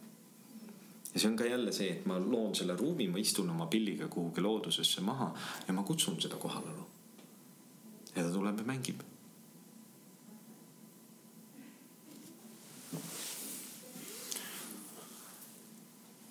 mm,. aga võib-olla nagu sihuke täpsustav küsimus, et. Vaata, me oleme pidevalt nagu teel, teekonnal inimestena ja, ja üldse siin eh, ühiskondlikus mõttes ka, et elutempo on kiire ja, ja edukas ja raha palju ja, ja head suhted ja kõik oleks õnnelikud ja tore ja. ja asjad õnnestuksid ja, aga et kuidas nagu päriselt ära tunda, kas me kasvame, areneme ja avardume ehm, sest et eh, noh, võib-olla, võib-olla küsimuse täpsustamiseks tuua nagu näide, et kui ma teen seda podcast'i, siis eh, terve see poolteist aastat on mulle tundunud eh, effortless. Pole nagu midagi teinud. noh, tegelikult on seal taga ju väga palju, noh, seal on turundus ja saadete broneerimine ja, inimestega kohtumine ja reaalselt saate ettevalmistamine, lindistamine ja siis töötlemine ja, ja kõik muud asjad otsa veel, aga kuidagi nagu nii effortless, et ma nagu ei olekski mitte midagi teinud selle jaoks ja siis teisalt on, on nagu valdkondi, kus sa jubedalt pead ennast noh, läbi mingisuguse, ma ei tea, mille sundima suruma, et see õnnestuks. kuidas nagu aru saada, mina saan aru, et see podcast täna kasvatab ja arendab mind ja see on minu etapil täna siin väga oluline koht, võib-olla ta jääbki siia kümneks aastaks, võib-olla siis on kõik sellega. aga võib-olla jääb elu lõpuni, võib-olla on see homme läbi, onju, aga et kuidas nagu aru saada seda, et me kasvame, areneme ja avardume? ma ei tea, mulle tundub, et sa just vastasid ise sellele küsimusele. et äh, eks ma küsin ka seda küsimust endalt pidevalt ja olen nagu tabanud sellelt samalt, et ta on effortless mm. -hmm. mis ei tähenda seda, et seal ei ole väljakutseid. Enamus asju, mis ma teen, mis tundub nagu, mis juhtub sellest kanalist, see effortless kanal, seal on väga palju väljakutseid. Aga mul kuidagi tundub meeldiv nende väljakutsetega tegelemine. jah, ta tähendab, ta, ta esmalt on ebameeldiv võib-olla, sest iga kord, kui meil on mingi probleem või väljakutse, siis tekib see, kas ma pean selle jamaga tegelema, onju. Mhm. aga kui ma lähen selle lahendamisse sisse, siis see kuidagi, see laheneb niimoodi effortlessly. ta ei murra sind. ta ei murra mind ja, ja ma tunnen, et kui ma lahendan selle ära, siis see sihukene nagu see energiapuhang, mis ma sellest saan, on inspireeriv. ta, ta ei tõmba tühjaks ma toon sulle näiteks näite. Loenguid tehes on äh, see, et mul on vahest, kui ma teen loengu, on mul seda, et mul on pärast seda, ma olen jumala energiast tühi, mitu päeva olen energiast tühi. ja vahest on niimoodi, et ma teen loengu ja mul on nagu noh, sihuke plahvatus toimub sees, onju ja, ja siis ma mingi hetk avastasin, et tegelikult ma ei taha neid loenguid teha, kus mul energiast tühjaks tõmbab. milles asi on? ja siis ma avastasin, aga võib-olla sellel asja, nüüd on aeg lasta sellel formaadil minna mm. -hmm. ja muuta seda formaati selle jaoks, et ta läheks sellesse kohta, mis on mulle energiat andev, onju. et mina teen niimoodi näiteks sellel vahet, see on üks võimalus, aga see on, eks seal on, igalühel on jälle oma tee sellesse kohta, see ongi, see on vajadus ennast kõrvalt teatud mõttes jälgida. vajadus ennast jälgida toimivas erineva, toimimas erinevates keskkondades. või et äh, ma siin äh, üks aasta aega tegelesin äh, ühe projektiga, äh, mida ma siis ise juhtisin, äh, kus me alustasime e-kursuste tegemist erinevate minu jaoks sihukeste oluliste vaimsete õpetajatega, kes on minu siuksed, noh, ütleme mulle väga palju andnud mm. -hmm. ja kuna ma seda projekti juhtisin, siis mind huvitas väga see produktsiooni pool ja nende kursuste tegemine aga üsna kiiresti libisesin ma sinna, et ma pidin ennast hakkama kurssi viima kogu turundusega mis selle taga on, et jah, mul oli üks äh, tore inimene või isegi mitu, kes aitasid seda turunduspoolt teha. aga kui sina oled seal juhi positsioonil, sa pead jube palju selle kohta teadma. ja äh, turundus rahvusvahelisel internetimaastikul mind absoluutselt ei huvita see. Tegelikult ma ei taha isegi teada, kuidas see toimib, aga ma sukeldusin sellesse. ja pool aastat veetes sellest, mul sai sellest nii kõrini. et ma tundsin, et ma ei taha sellest mitte midagi teada Äh, kuigi see samal ajal nagu laiemas mõistes teenis nagu minu seda eesmärki, sest noh, selle jaoks, et need kursused jõuaks inimesteni, on vaja seda turunduspoolt mm -hmm. nagu teha ja, ja lõppkokkuvõttes ma lihtsalt lõpetasingi selle ettevõtte tegevuse eh, senisel kujul, seniks kuni mulle ilmub keegi partner, kes võtab ja teeb selle asja ise niimoodi, et mina sellele tähelepanu ei pea pöörama, et mina saan pöörata tähelepanu sellele, mis mulle hästi välja tuleb mm, -hmm. mis minu jaoks on nagu oluline, onju. ja seal ma jälle läksingi sellega, et ma ju järjest tegelikult tundsin, kuidas eh, mu rahulolematus kasvas selles suhtes, et igapäeva toimimises ma hakkasin avastama, et ma hakkan tegelikult äh, järjest rohkem kõrvale hiilima igasugustest tegevustest, mida ma seal tegema pean või peaksin. ja see oli minu jaoks see märk, et ahah, järelikult ma ei ole selles kohas, et ma tahan neid väljakutseid vastu mhm. võtta. ja kui ma tast lahti lasin, siis tekkiski see tege-, väga hea tunne. Äh, kuigi sellest oli väga raske lahti lasta, sest see on jälle see, et ma olen niivõrd palju sinna investeerinud äh, meel hakkab rääkima seda juttu. aeg, raha, kõik, mis on pandud. aga on üks äh, väga hea vaimne printsiip, mida jälgida, on see, et ükstapuha, mida sa teed, et sa teed seda sellest kohast, äh, kus sul on sellest võimalik järgmisel hetkel lahti lasta. et, äh, et sa nagu jälgiks seda, et sa naudid või sa ei pea ka seda nautima, aga et sa ei tee seda viljade nimel, vaid sa teed seda südamest andes ja kui see järgmisel hetkel nii-öelda lõpeb, siis see ei muserda sind mm. -hmm. ma püüdsin seda printsiipi seda tehes, kusjuures jälgida ja, ja ma arvan, et mul oligi tegelikult äh, suhteliselt lihtne sellest lahti lasta. ka kuigi ma tegin midagi, mis ei meeldinud, aga samal ajal äh, ma kogu aeg sisestasin ka endale, et ma teen seda lihtsalt sellepärast, et mulle hetkel see tegevus meeldib. ja kui ma järgmisel hetkel pean selle nagu kogu investeeringu äh, viljadest lahti laskma, siis ma saan seda teha niimoodi.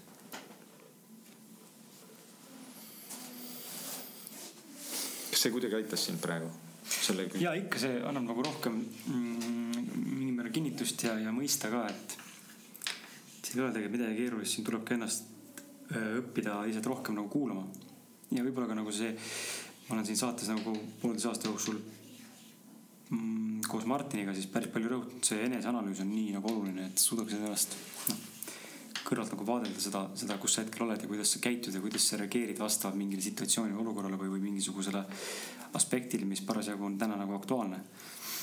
see eneseanalüüs isegi kõlab tegevusena mulle tundub, et oluline on enesevaatlus. ilma hinnanguid andmata mm, -hmm. sest analüüsis on alati seotud ka hinnang. Äh, nüüd, mis juhtub minu sees, kui ma annan hinnangu mingile oma toimimisviisile, siis ma olen täheldanud, et see läheb pöitu. ta hakkab pöitma ennast mm ja, aga siis mina teda ei näe, aga teised näevad. ta tuleb nagu pimedalt et see, see enesevaatluse kunst on nagu ennast neutraalselt vaadelda ilma hinnanguid andmata vaadata, ahah, okei okay,, hetkel toimin niimoodi.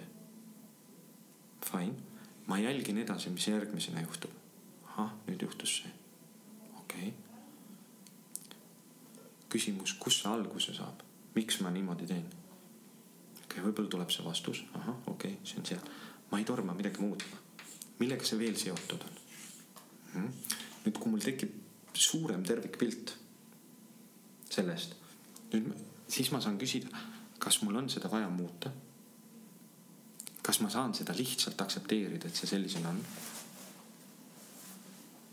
või on seda üldse mõistlikum eirata mm? -hmm. Äh,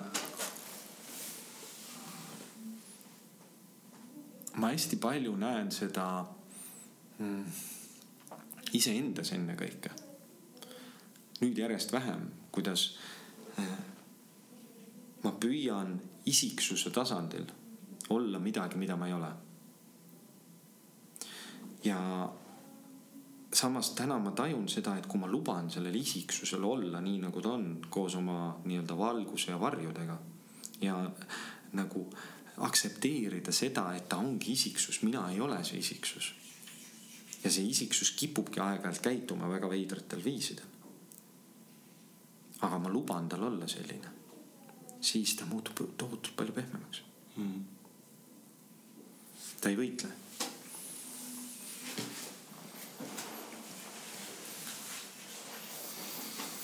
hmm,.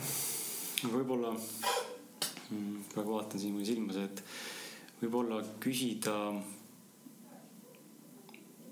ma tean, et inimesi huvitab see, huvitab see alati ja see on siiamaani väga aktuaalne teema, et, et, et kuidas ikkagi jõuda siis näiteks äh, mingite enda nagu eesmärkideni või, või, või teekonnani, et see just, ma olen näinud, et see isegi siin meil üks äh, noh, üsna sarnast asja teeb äh, selles mõttes Edu Akadeemia, kes küll ei tee podcast'i, aga teevad üritusi, seminare, et nendel oli hea küsitlus.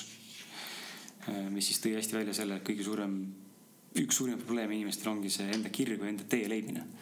mis nagu on reaalne probleem nii-öelda inimeste jaoks, et ei suudeta nagu aru saada, mida ma tegelikult tahan. Sest et noh, seda müra on nii palju ümber meil ja me ei saagi nagu sa täna siin vestlemise käigus on välja tulnud ka, et meil ei olegi hetke, et võtta endale aega, et üldse aru saada mida me tegelikult tahame. ma arvan, et see hetk meil on, see küsimus on valikutes mm. -hmm. kas me oleme nõus andma seda aega endale või, või võtma nii-öelda? aga, aga kuidas jõuda enda teekonnani? et üks, üks asi on aja võtmine, aga kas seal on midagi, midagi veel, mis võib-olla, mida nagu märgata või tähele panna või, või jälgida mingeid oskuseid enda juures või just see, et kuidas nagu. ma arvan, et kõige olulisem sinna nagu juurde see aja võtmises ja, ja enda vaatlemises on küsimuste küsimine. sest kui me läheneme asjadele meeletasandilt, siis äh, me kipume meelega vastama. aga meel vastab ainult baseerudes mineviku kogemusel. Meel ei ole võimeline ületama seda barjääri iseenda ja selle nii-öelda suuruse mm -hmm. või selle nii müstilise vahel, see, mis on meist palju suurem, eks. ja, aga meil saab küsida küsimusi.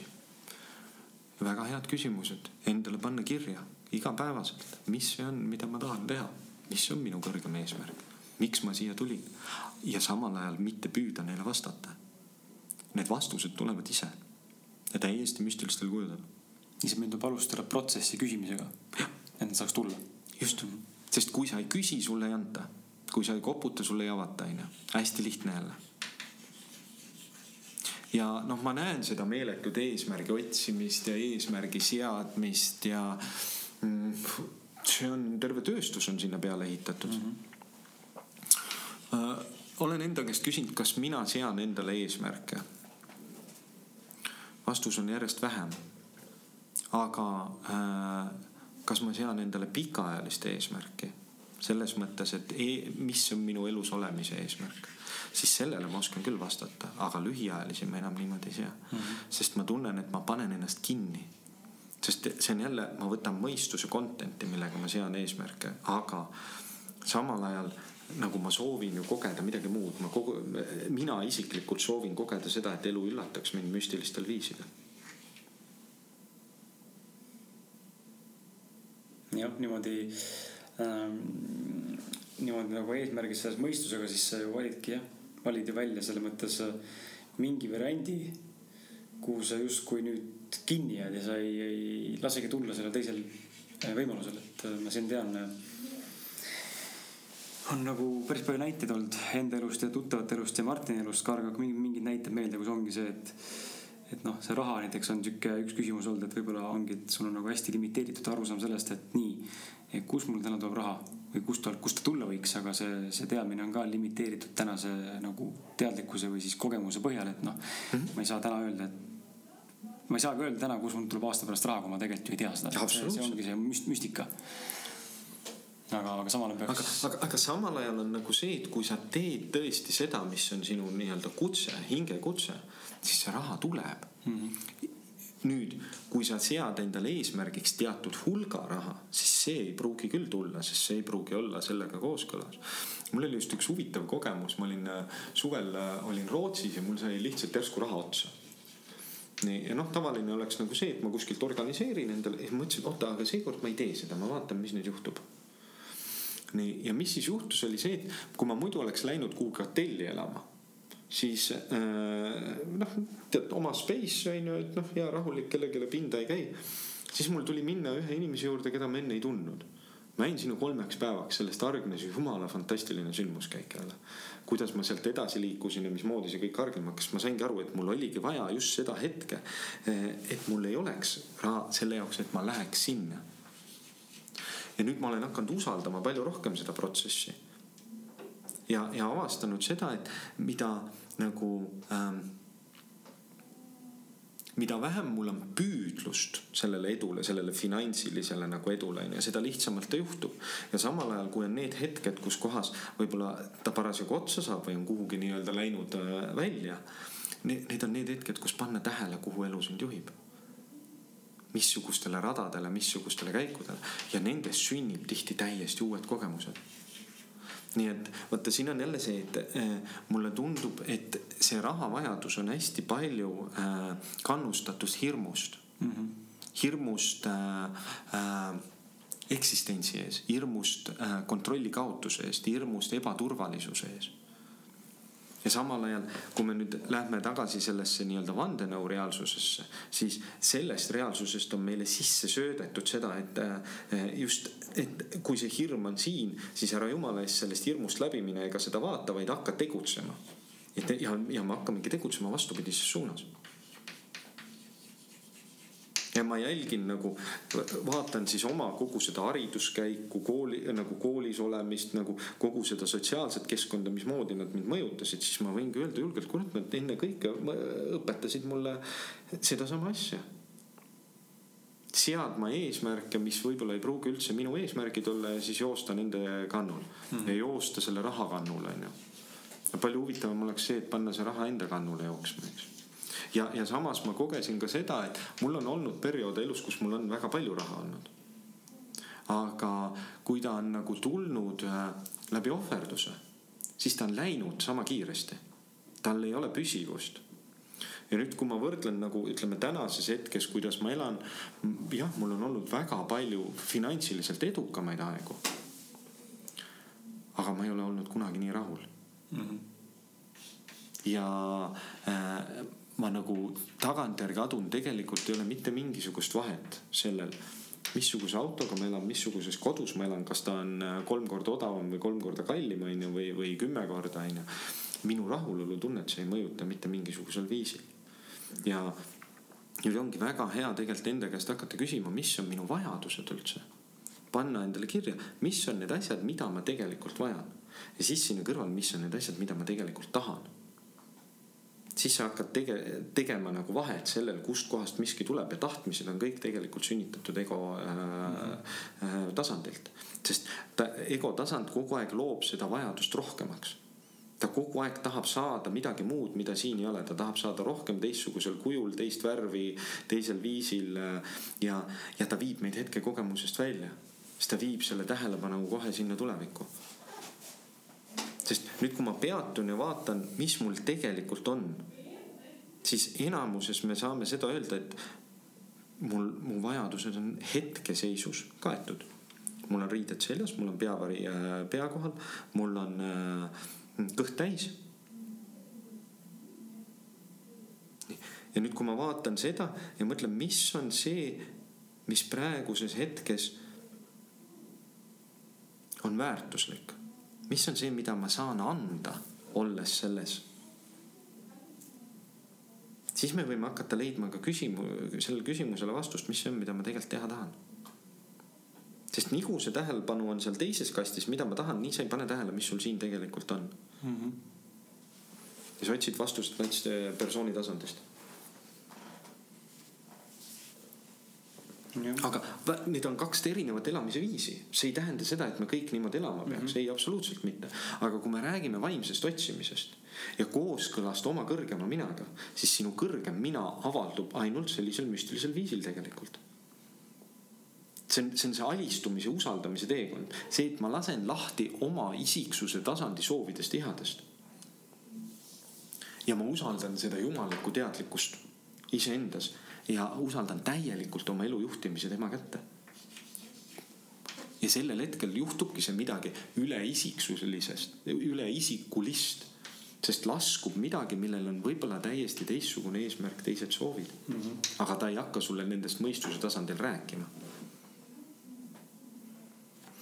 mul tuli, praegu tuli siin korraks pähe see, et tahtsin tegelikult enne juba öelda seda, mul siin võib-olla mingi kuu tagasi tekkis sihuke huvitav mõte, et saad seda kommenteerida, kas see resoneerub sinuga või mitte ja püüan nüüd võimalikult äh, inimkeeles seda väljendada, mille peale ma justkui nagu nii-öelda tulin, tundus nii loogiline, aga ma võin ka eksida, et äh, oletame, me oleme siin planeet Maal, olemegi siin ja meie noh, mida me näeme ühiskonnas üldse enda pealt ka, me kogu aeg üritame midagi nagu paremaks teha tervemaks muuta ennast, äh, ma ei tea, arendada, edendada ja nii edasi.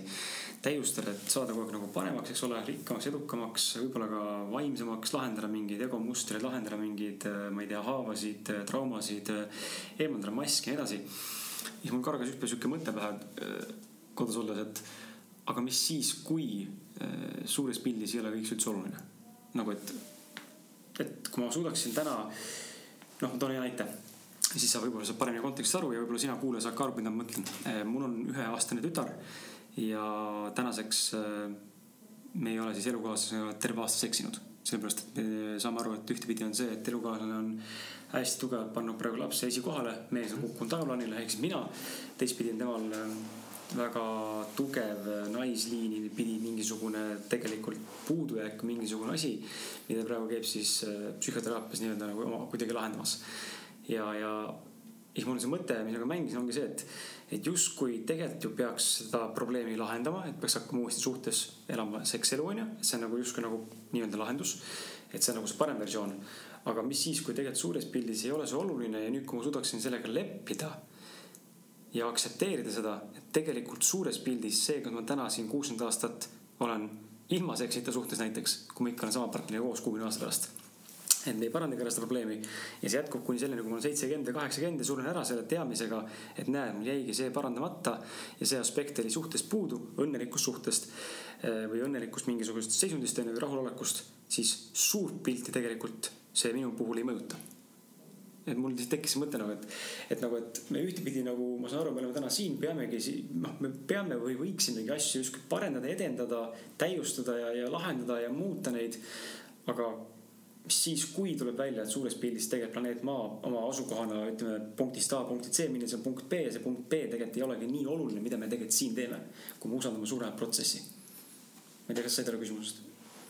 ma usun küll, ma arvan, et ei olegi vahet. ehk sisuliselt me võiksime. sa, sa, sa mõtle, võtame natuke ka seksuaalsust laiemas kontekstis sa mõtle, kui palju inimeste elus võtab see maha äh, mingisugust tarbetut äh, pinget äh,. kui me suudame sellesse, kui me suudaksime sellesse suhtuda totaalse neutraalsusega. sest nagu vaata, see ongi see nagu raha, võim, seks, püha kolmainsus. no mis asi see seks on, mida me otsime sellest seksist? me otsime seda rahuldust mis on hetke kübe, see kübeme hetk, kui äh, me saame orgasmi mm, -hmm. siis me ühendume selle nii-öelda jumaliku teadvusega või noh, selleks hetkeks kaob see mina teadvus mm -hmm.. okei okay,, teatud tehnikaid tehes me saame seda suurendada, selle hetke pikkust pikendada, aga lõppkokkuvõttes see jääb ikkagi piiratuks. nüüd osa hingesid meist tulebki võib-olla siia sellega, et see ei ole meie programmis see ei ole meile vajalik. aga see nüüd jälle sõltub hästi palju sellest, mis on nagu sinu programm, mis on sinu vajadus, aga kui sa näed seda, et sa ropult jooksed selle järgi. siis äkki tasuks nagu tõesti sellest vahepeal kõrvale astuda, sest läbi selle kõrvaleastumise on võimalik luua sellega elutervem suhe mm. -hmm. ja ma räägin seda juttu ise, ise ennekõike iseendale, sest minul on olnud ka kogu aeg sellega nagu noh, ma olen terve mees ja ma pean seda kõike saama mida aeg edasi, seda rohkem mulle tundub, et äh, ma hakkan sellest lahti laskma. selle vajadusest. Äh, ja sellest hakkab tekkima nagu sihukene ilus kingitus, mida jagada siis, kui kohtuvad kaks inimest, kui neil on mõlemal väga hea olla mm. -hmm. kui neil on tass täis, nad on heas kohas ja see sünnib selles hetkes sest siis ta tuleb nagu siukse andmise ja jagamisena. sest väga palju, eriti meil meestel, meil on see sihuke ropp nagu ihavajadus on olnud, sa nagu tahad, vaata ta aitab meil stressi maandada, onju. Mhm. aga nüüd, kui ma suunan kogu selle energia, mis minus on, hoopis, ma ei tea, jumala otsingule iseendas. väga palju potentsiaali jääb vabaks. nii et äh, ja laias pildis ei olegi mitte mingit vahet ju kuigi jah, väga kihvt on need äh, seksuaalne ühendus, seksuaalne ühinemine, äh, erinevad kogemused. ja, ja ma olen, mina olen oma elu, elus hetkel selles perioodis, kus ma väga küsin neid küsimusi enda käest ja püüan samamoodi nagu saada vastust, aga mitte niivõrd persooni tasandilt ja mida rohkem vastab minu äh, kõrgem nii-öelda olemus, seda vähem tähtsus ma sellele tegelikult osutan ja mul on tunne, et praegu on sihuke väga huvitav aeg, kus suhete dimensioon võtab täiesti uusi mõõtmeid. et äh, ma ei tea ise, kuidas sellele läheneda ähm,. sest ma nagu näengi seda, et naised on hästi suurt muutust läbimas äh,. Nende vägi on tohutult tõusmas ja ma olen täiesti veendunud tänaseks, et see maailm liigubki siit edasi nagu sellel viisil, et see mehelik jõud, mis on domineerinud, saab hoopis, kuidas ma ütlen sulle, kaasloovaks või kaas nagu toetavaks sellele naiselikule väele, südameteele siis me kolime nii-öelda kollektiivselt äh, sellest sihikindlusest, eesmärgikindlusest sellesse olemise spontaansusesse ja äh, loomisesse mm. -hmm. naiselik olemisse, onju ja kuna see mõjutab nagu sisemiselt, kuna meil on üks pool on naispool, teine pool on meespool on ju, see mõjutab hästi palju meie toimimisdünaamikat, see mõjutab väga palju suhte toimimisdünaamikaid. siis ja kui me vaatame küll neid rolli aspekte, et naised ise ka hetkel mulle tundub, et ei tea päris täpselt, mida selle väega teha ja see ongi noh, et kui sa lisad kuhugi mingisuguse hulga mingit asja, siis peab õppima seda tegelikult teistmoodi väljendama. Ja mehed samal ajal ei saa aru, mis toimub, onju, et äh, nüüd järsku on siin, kuidas öelda, toimunud midagi imelist minu naisega, aga see väljendub mingisugusel väga veidral viisil mm. -hmm. ja mis ainult juhib mind võib-olla tulema kohale rohkem minu enda sisse, onju nii ja mulle tundub, et lihtsalt on aeg võib-olla, kus hetkel anda sellele kõigele paus, võib-olla lihtsalt lasta nendel asjadel olla. ja tulla enda juurde, luua enda sees see sügava ühenduse koht. See eesmärgistatud olemise koht kõrgema eesmärgistatu mm, -hmm. eesmärgistatusega jah.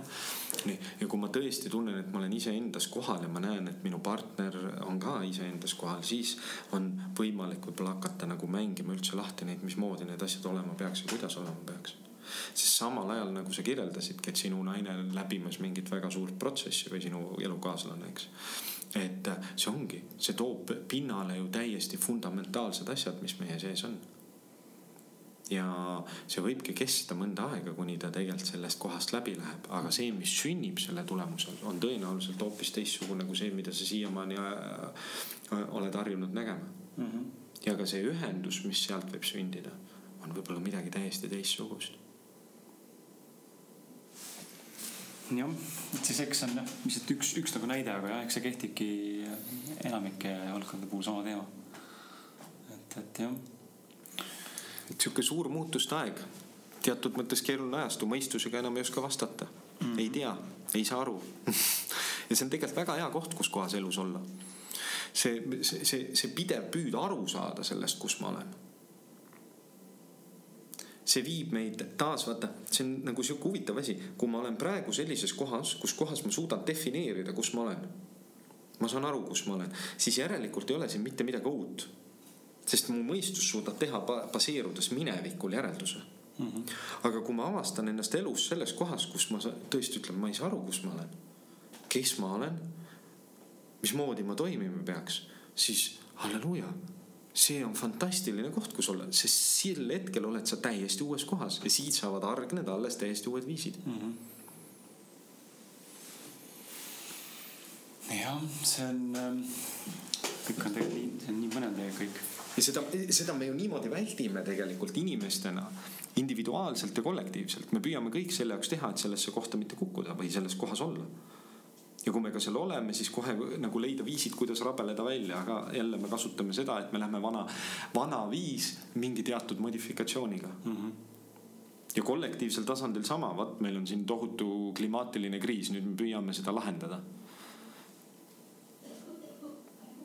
Mul, kellelgi pole õrna aimugi, mis see lahendus tegelikult on, onju. huvitav on nagu see, et aga me püüame seda lahendada nendel viisidel, mis, mis on kogemusel baseeruvad, onju mhm. mulle nagu tundub see, et kui me nüüd kollektiivselt lõpetaks selle siblimise, arutu siblimise ja teeks nagu siukse kollektiivse pausi, jäädes kohale, lihtsalt lastes asjadel kulgeda omasoodu teatud viisil, võib-olla kukkuda kokku. alles siis meil on võimalik tegelikult hakata nägema, mis kingitused meil on ja mida on võimalik teha mm. -hmm. sest vaata looduskeskkonnast me teame väga hästi, kui ta rahule jätta, siis ta taastub ise mm. -hmm. ilma inimliku püüdeta. jah ja meie oleme ise osa loodusest, vot see on jälle seesama, et mis ma alguses ütlesin, loodusvaatlus mm. -hmm. vaatle, mismoodi loodus toimub, seal on olemas kõik saladused. sa mainisid ma nüüd täpselt ei mäleta, kui, kui, kui palju aega tagasi, aga mõnda aega tagasi siin saates mainisid sa ego korra ja ja ma sinuga enne saadet rääkisin ka, et leppisime kokku, et puudutame korraga sellist teemat nagu enneagramm, et äh, miks ma tahan seda puudutada, sellepärast et äh, Keter tõi minu selle raamatu rõõm isegi tuttavaks saada. Borja Vilasseca autori poolt kirjutatud raamat vist mm. -hmm. Tõi nagu minu vaate välja ja, ja see nagu kõnetas nii palju piisavalt ja ma pole nagu sellesse väga süvitsi suutnud süveneda, see raamat läbi loetud. Ennast tundsin ära seal ja, ja, ja lihtsalt äh, tahaks nagu sinu info kohaselt kuulda, et äh, mis, kuidas sina nagu seda kirjeldaksid võib-olla meie kuulajatele, mis see enneagramm, enneagramm on ja, ja, ja, ja mida see, kuidas see võib-olla aitab või, või kas ta üldse aitab mm -hmm.? noh, enneagramm laiemas äh, laastus on tegelikult äh, äh, üldse sihuke muutuse kunst, noh, teatud mõttes midagi nagu I Ching, aga natuke teise päritoluga, nagu rohkem kristlikust müstikast.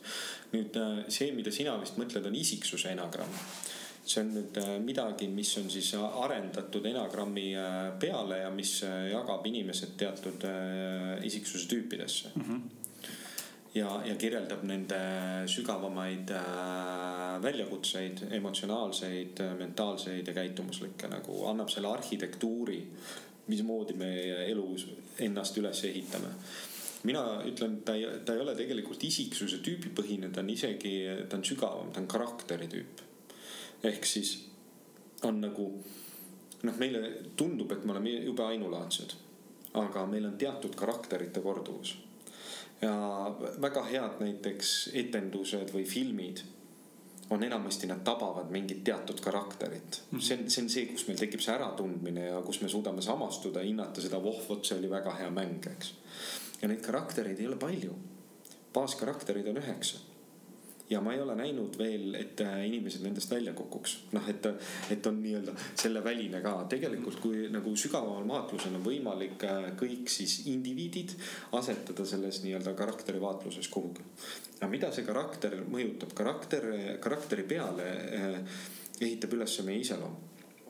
aga lisaks sellele ka see, missugune on meie keha on ta peenikene, äh, on ta natuke sihuke suurem, tugevam ähm, väga palju on see nagu energiast, vaata osade inimeste puhul on, ta on sihuke suur, tugev, istub ruumi maha, sa kohe tunned, ta on ruumis on ju, mõned on siuksed äh, äh õblukesemad, kergemad, neil on sihuke hästi sihuke värelev energia ümber on ju mm. -hmm. Äh, mõned inimesed on hästi siuksed nagu pehmed, soojad, südamlikud on ju, sa kohe tunned nagu, oh, see on armastust täis. Need on kõik erinevad karakterid ja kui ta kujundab, kui sa võtad arvesse, et ta kujundab meie keha, selle energia, mis meist välja õhkub. ta kujundab selle, mis on meie baasemotsioonid. ehk siis kõik saab vaata, kuna ego on midagi, mis eraldab meid äh, looja teadvusest, ta annab meile võimaluse kogeda individuaalsust. siis äh, selleks eraldavaks jooneks on alati baashirm. see, seal peab olema see hirmu koht. nüüd ta on ühtepidi kingitus selles võtmes, et ta annab meile võimaluse kogeda oma individuaalsust. aga teistpidi on ta ka õnnetus, sest kui me liiga sinna individuaalsuse kogemusse ära eksime, siis me ei oska ületada seda barjääri mm. -hmm. ja, ja minu jaoks on ta ennekõike tööriist selle jaoks, et tabada seda ära, kus on minu barjäär, mis on see, mille eh, eest minu eh, ego ära jookseb, mis on see, mille peale ta ennast üles ehitab, mis on need baasemotsioonid. sest tema jaoks on nende kogemine hullem kui surm. igal juhul tuleb vältida. Nii, aga tegelikult on see värav. tegelikult on see värav selle jumaliku teadvuse juurde, just sellesama koha ületamine. nüüd ta mõjutab minu tundeid väga konkreetselt, selle pealt ta mõjutab kogu seda mentaalset protsessi, mis minu äh, peas toimub ja just selle koha pealt, mis on see, mille poole ma elus jooksen. sest enamasti see, mille eest ma ära jooksen, on peegelpildis sellega, mille poole ma jooksen ja see ongi, ja see on ka see maskimäng ehk siis mask, mida ma kannan, on vastupidine sellele, mis sügavamal sees minus toimub inimesed, kellel on hästi tugev portreteeritud tugevus, nad on tegelikult on neil tohutu hirm haavatavuse ees inimesed, kes on väliselt hästi portreteeritud edukad, neil on tegelikult tohutu väärtusetuse tunne all, mille eest nad ära jooksevad ja see on baastunne. ja see ei lähe kunagi mitte kuhugi, aga sa saad sellega arendada palju terviklikuma suhte. niimoodi, et nagu sa harjud sellest läbi liikuma mm. -hmm ja kui me räägime vaimsest arengust ja sellest teekonnast iseendani, siis seda ei ole võimalik teha ilma nendest tunnetest läbi minemata ja tegelikult loomaks nagu seda nagu äh, käimaks läbi sellest väravast ja loomaks seda suhet selle sügavama tundega, mis, mis mu sees kogu mängu käivitab. nii, ja nüüd, kui sa paned kogu selle komplekti kokku, mõtted, tunded, käitumised, füüsiline avaldumine, energia, siis võiks öelda, et äh, suur osa sellest, mida me siin elus kogeme, mida me taga ajame, mille eest me ära jookseme millise, millise kogemuse me elus saame, on määratav selle karakteri fiktsiooni läbi. ja kui sa nagu sellest perspektiivist vaatad, siis sa näed seda, et me oleme tohutult robotlikud olendid. sest kui ma taban ära su karakteri, siis ma võin suures osas ette ennustada juba seda, mis mind ootab sinuga edasi suheldes mm. -hmm. Mida rohkem on sinus seda jumalikku teadvust seda vähem hoomatav see on, sellepärast et siis sa oled tulvil üllatustest, äh, mida sa pakud kogu aeg iseendale ja maailmale onju.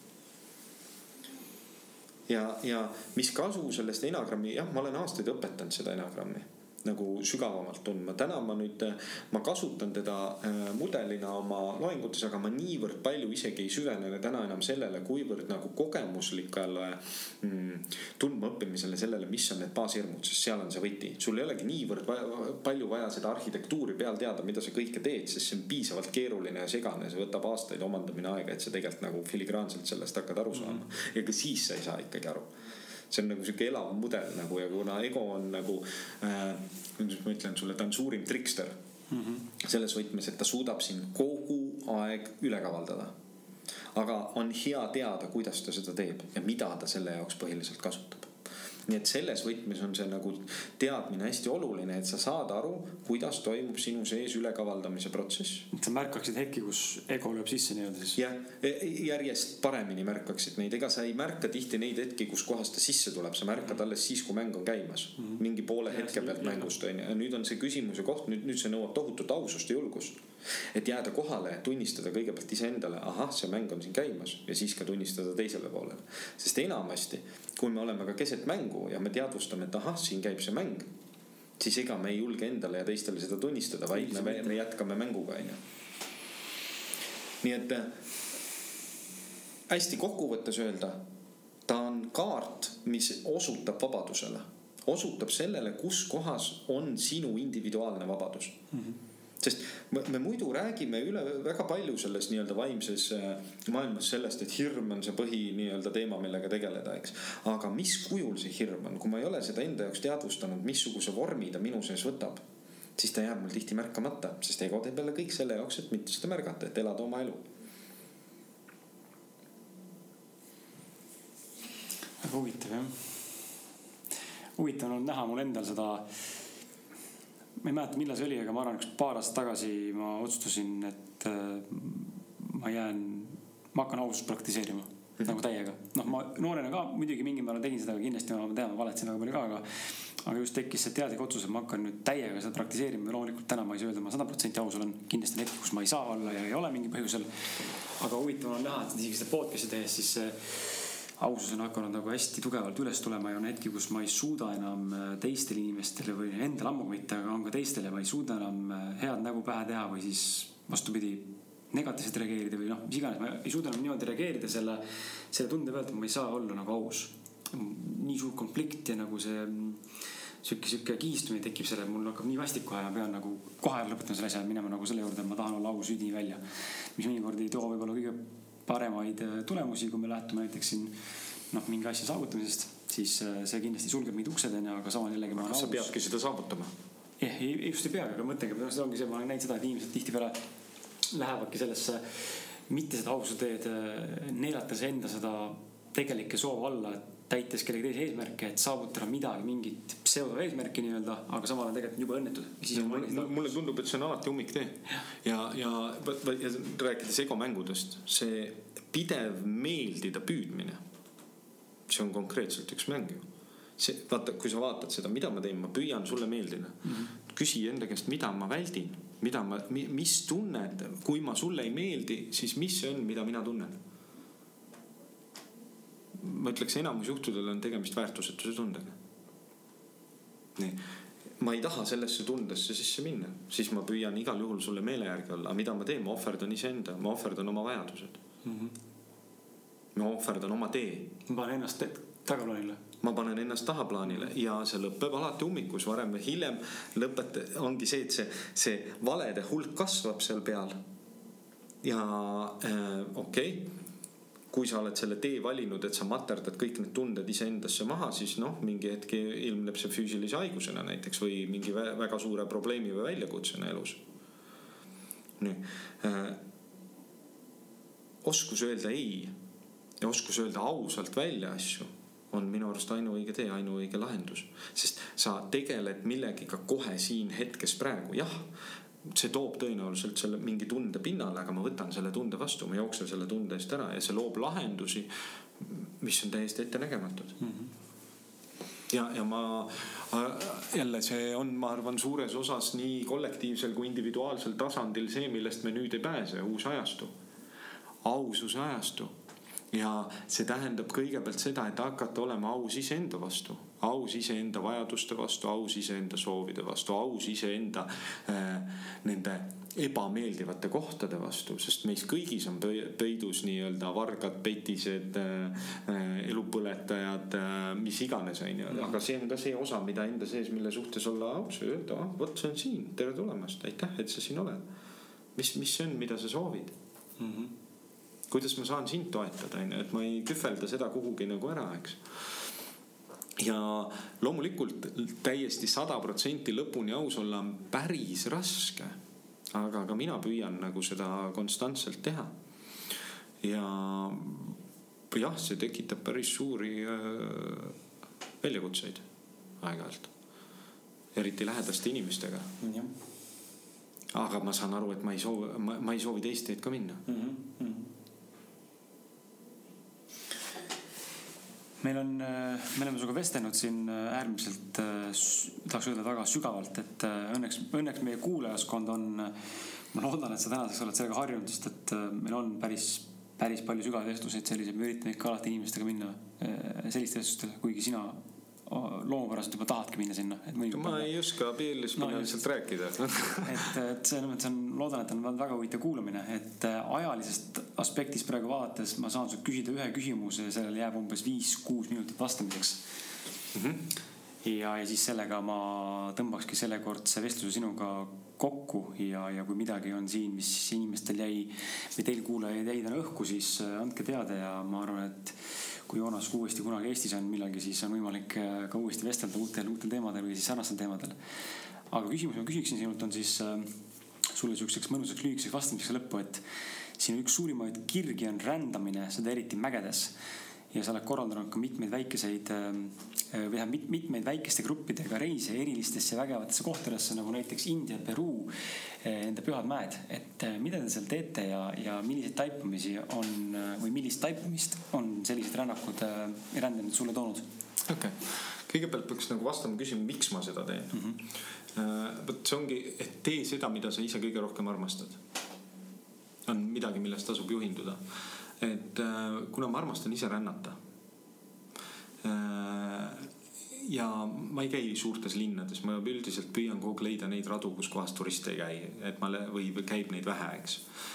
Mulle meeldib kogeda seda looduse vägevust erinevates kohtades on ju ja see ongi midagi võib-olla, vot ma hingena niivõrd palju kehastunud siia maailma ja mingid kohad on hästi armsaks saanud ja siis mul meeldib nendes taas käia kuidagi, see on mingisugune nostalgia, aga mm, -hmm. aga samas seal on ka mingi sõnu seletamatu müstika, eks. ja mm, ja siis ma mingi hetk avastasin, et oota, aga miks ma üksi käin, et noh, et ma siin kui ma räägin oma seiklustest, siis inimesed on hästi inspireeritud kogu aeg ja tahavad nagu kaasa tulla või ütled, kuule, tead, kui sa lähed järgmine kord, et ütle. siis ma mõtlesin, okei okay,, ma siis teen väikeste gruppidega. Et äh, ma teen siin loenguid, teen teraapiaid või teraapia võib-olla pole õige sõna, konsultatsioon lihtsalt ütleme mm -hmm. siukse. ma, ma ei teagi, mis see on, mida ma teen, onju.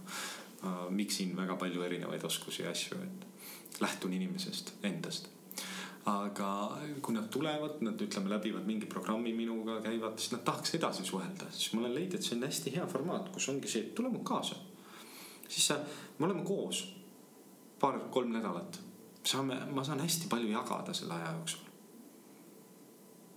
ja see on ka lihtsalt see sihuke koosolemise rõõm ja samamoodi sinul on võimalus õppida mind kõrvalt tegelikult nagu nägema toimimas sest üks asi on see, kui sa näed seda Joonast kuskil loengus midagi tegemas või, või toimetamas sinu kallal. teine asi on hoopis see, kui sa reaalselt nagu mm -hmm. lähme kõnnime mõned miilid koos. Äh, ja siis ma hakkasingi vaatama, mis on need kohad, noh, ma olen Indias käinud Himaalajas matkamas. Äh, sinna ma olen teinud mõned reisid Äh, nüüd ma jõudsin selleni, et India isu mul sai hetkel täis. nüüd uh, uus siht on Peruu, ma ei ole tegelikult Peruus käinud uh,. see on just nüüd nii-öelda värskelt, et see on mul uh, kodulehel olemas, kes julgevad tulla minuga Peruusse. see on kindlasti see, et see ei ole lihtne matk lihtsalt, vaid seal on väga palju nii-öelda vaimset sügavust sees, mille, mida me seal, millega me seal tegeleme ja ma teen neid nii, et mul on kohalikeks teejuhtideks tuleb alati keegi kes on siis äh, ütleme sihukese kohaliku vaimsuse esindaja tunneb kohalikku vaimsust hästi. reeglina on see šamaan. Peruus on mul üks äh, Eesti sõber, kes elab seal juba nagu mitu aastat järjest talviti ja siis me temaga, tema nii-öelda juhendusel siis käime, liigume seal ringi ja, ja vaatame, kuidas see asi seal välja näeb, onju. aga see on valdavalt mägedes matkamine, eks mm. -hmm aga ma ei tee siukseid pikki matke, et lähen nädal aega teen, vaid ma nagu mõned päevad lähme käime, tuleme alla tagasi, mõned päevad käime, tuleme tagasi, et mulle meeldib nagu see, et on sihuke olemise mõnus ja mugavus ka, et ei ole sihuke, et ainult trambid, eks. ja jaanuaris on mul plaanis Mehhikosse minna, see ei ole mul veel kokku pandud, aga, aga see on, seal tuleb mul üks äh, kohalik äh, sõber väga võimas tervendaja, šamaan Juan, kes meil nii-öelda tee näitajaks tuleb ja, ja praegu on nüüd äh, oktoobri lõpus on, me oleme äh, Marokosse. et äh, see on võib-olla sihuke, ütleme mitte niivõrd äh, klassikaline vaimsus, et seal me lihtsalt äh, käime Sahara kõrbes, mis on juba mhm. ise ette omaette sihuke põnev koht, mis kutsub asju esile, põnevaid ja siis äh, käime natuke Kolamäe mägedes ja siis äh, veedame surfates, et see on üks hästi põnev ala, mis ma olen avastanud, see on nagu sihuke sügav jooga, meditatsioon ja veepuhastus korraga. Et ma püüan siukseid erinevaid asju teha. Ja eks ma niimoodi sihuke neli reisi ma olen otsustanud, et ma aastas teen erinevatesse kohtadesse siis ja nendele siis saab mu ka nagu kaasa tulla, onju. ja pluss ma siis ise käin ja rändan oma, oma radadel ja oma soodu veel, eks. kust, kust kuulajad sind leida võivad? joonassaks.com ja Facebooki, Instagramis ei kasuta pigem? kasutan minu nimega. aga Facebooki lehena või midagi sihukest praegu pigem ei ole, pigem. mul on, mul on vaata see klassikaline äh, eraisiku leht on ju mm. Facebookis, et ma, ma nüüd teadvustan, et mul on vaja vist teha see teine ka sinna juurde on ju, mis on see professionaalsem leht, aga seda saab jälgida mm -hmm. ja Instagramis samamoodi, et, et ja üldiselt mul on Face'is ja Instas on erinev sisu, et mm, -hmm. et mhm. see ei oleks nagu korduv, et siis. sest ma jah teen igasuguseid põnevaid pilte ja luuletusi ja kõike ma jagan ka nendes ja, ja ma nüüd olen ka hakanud oma blogi eest hoolitsema.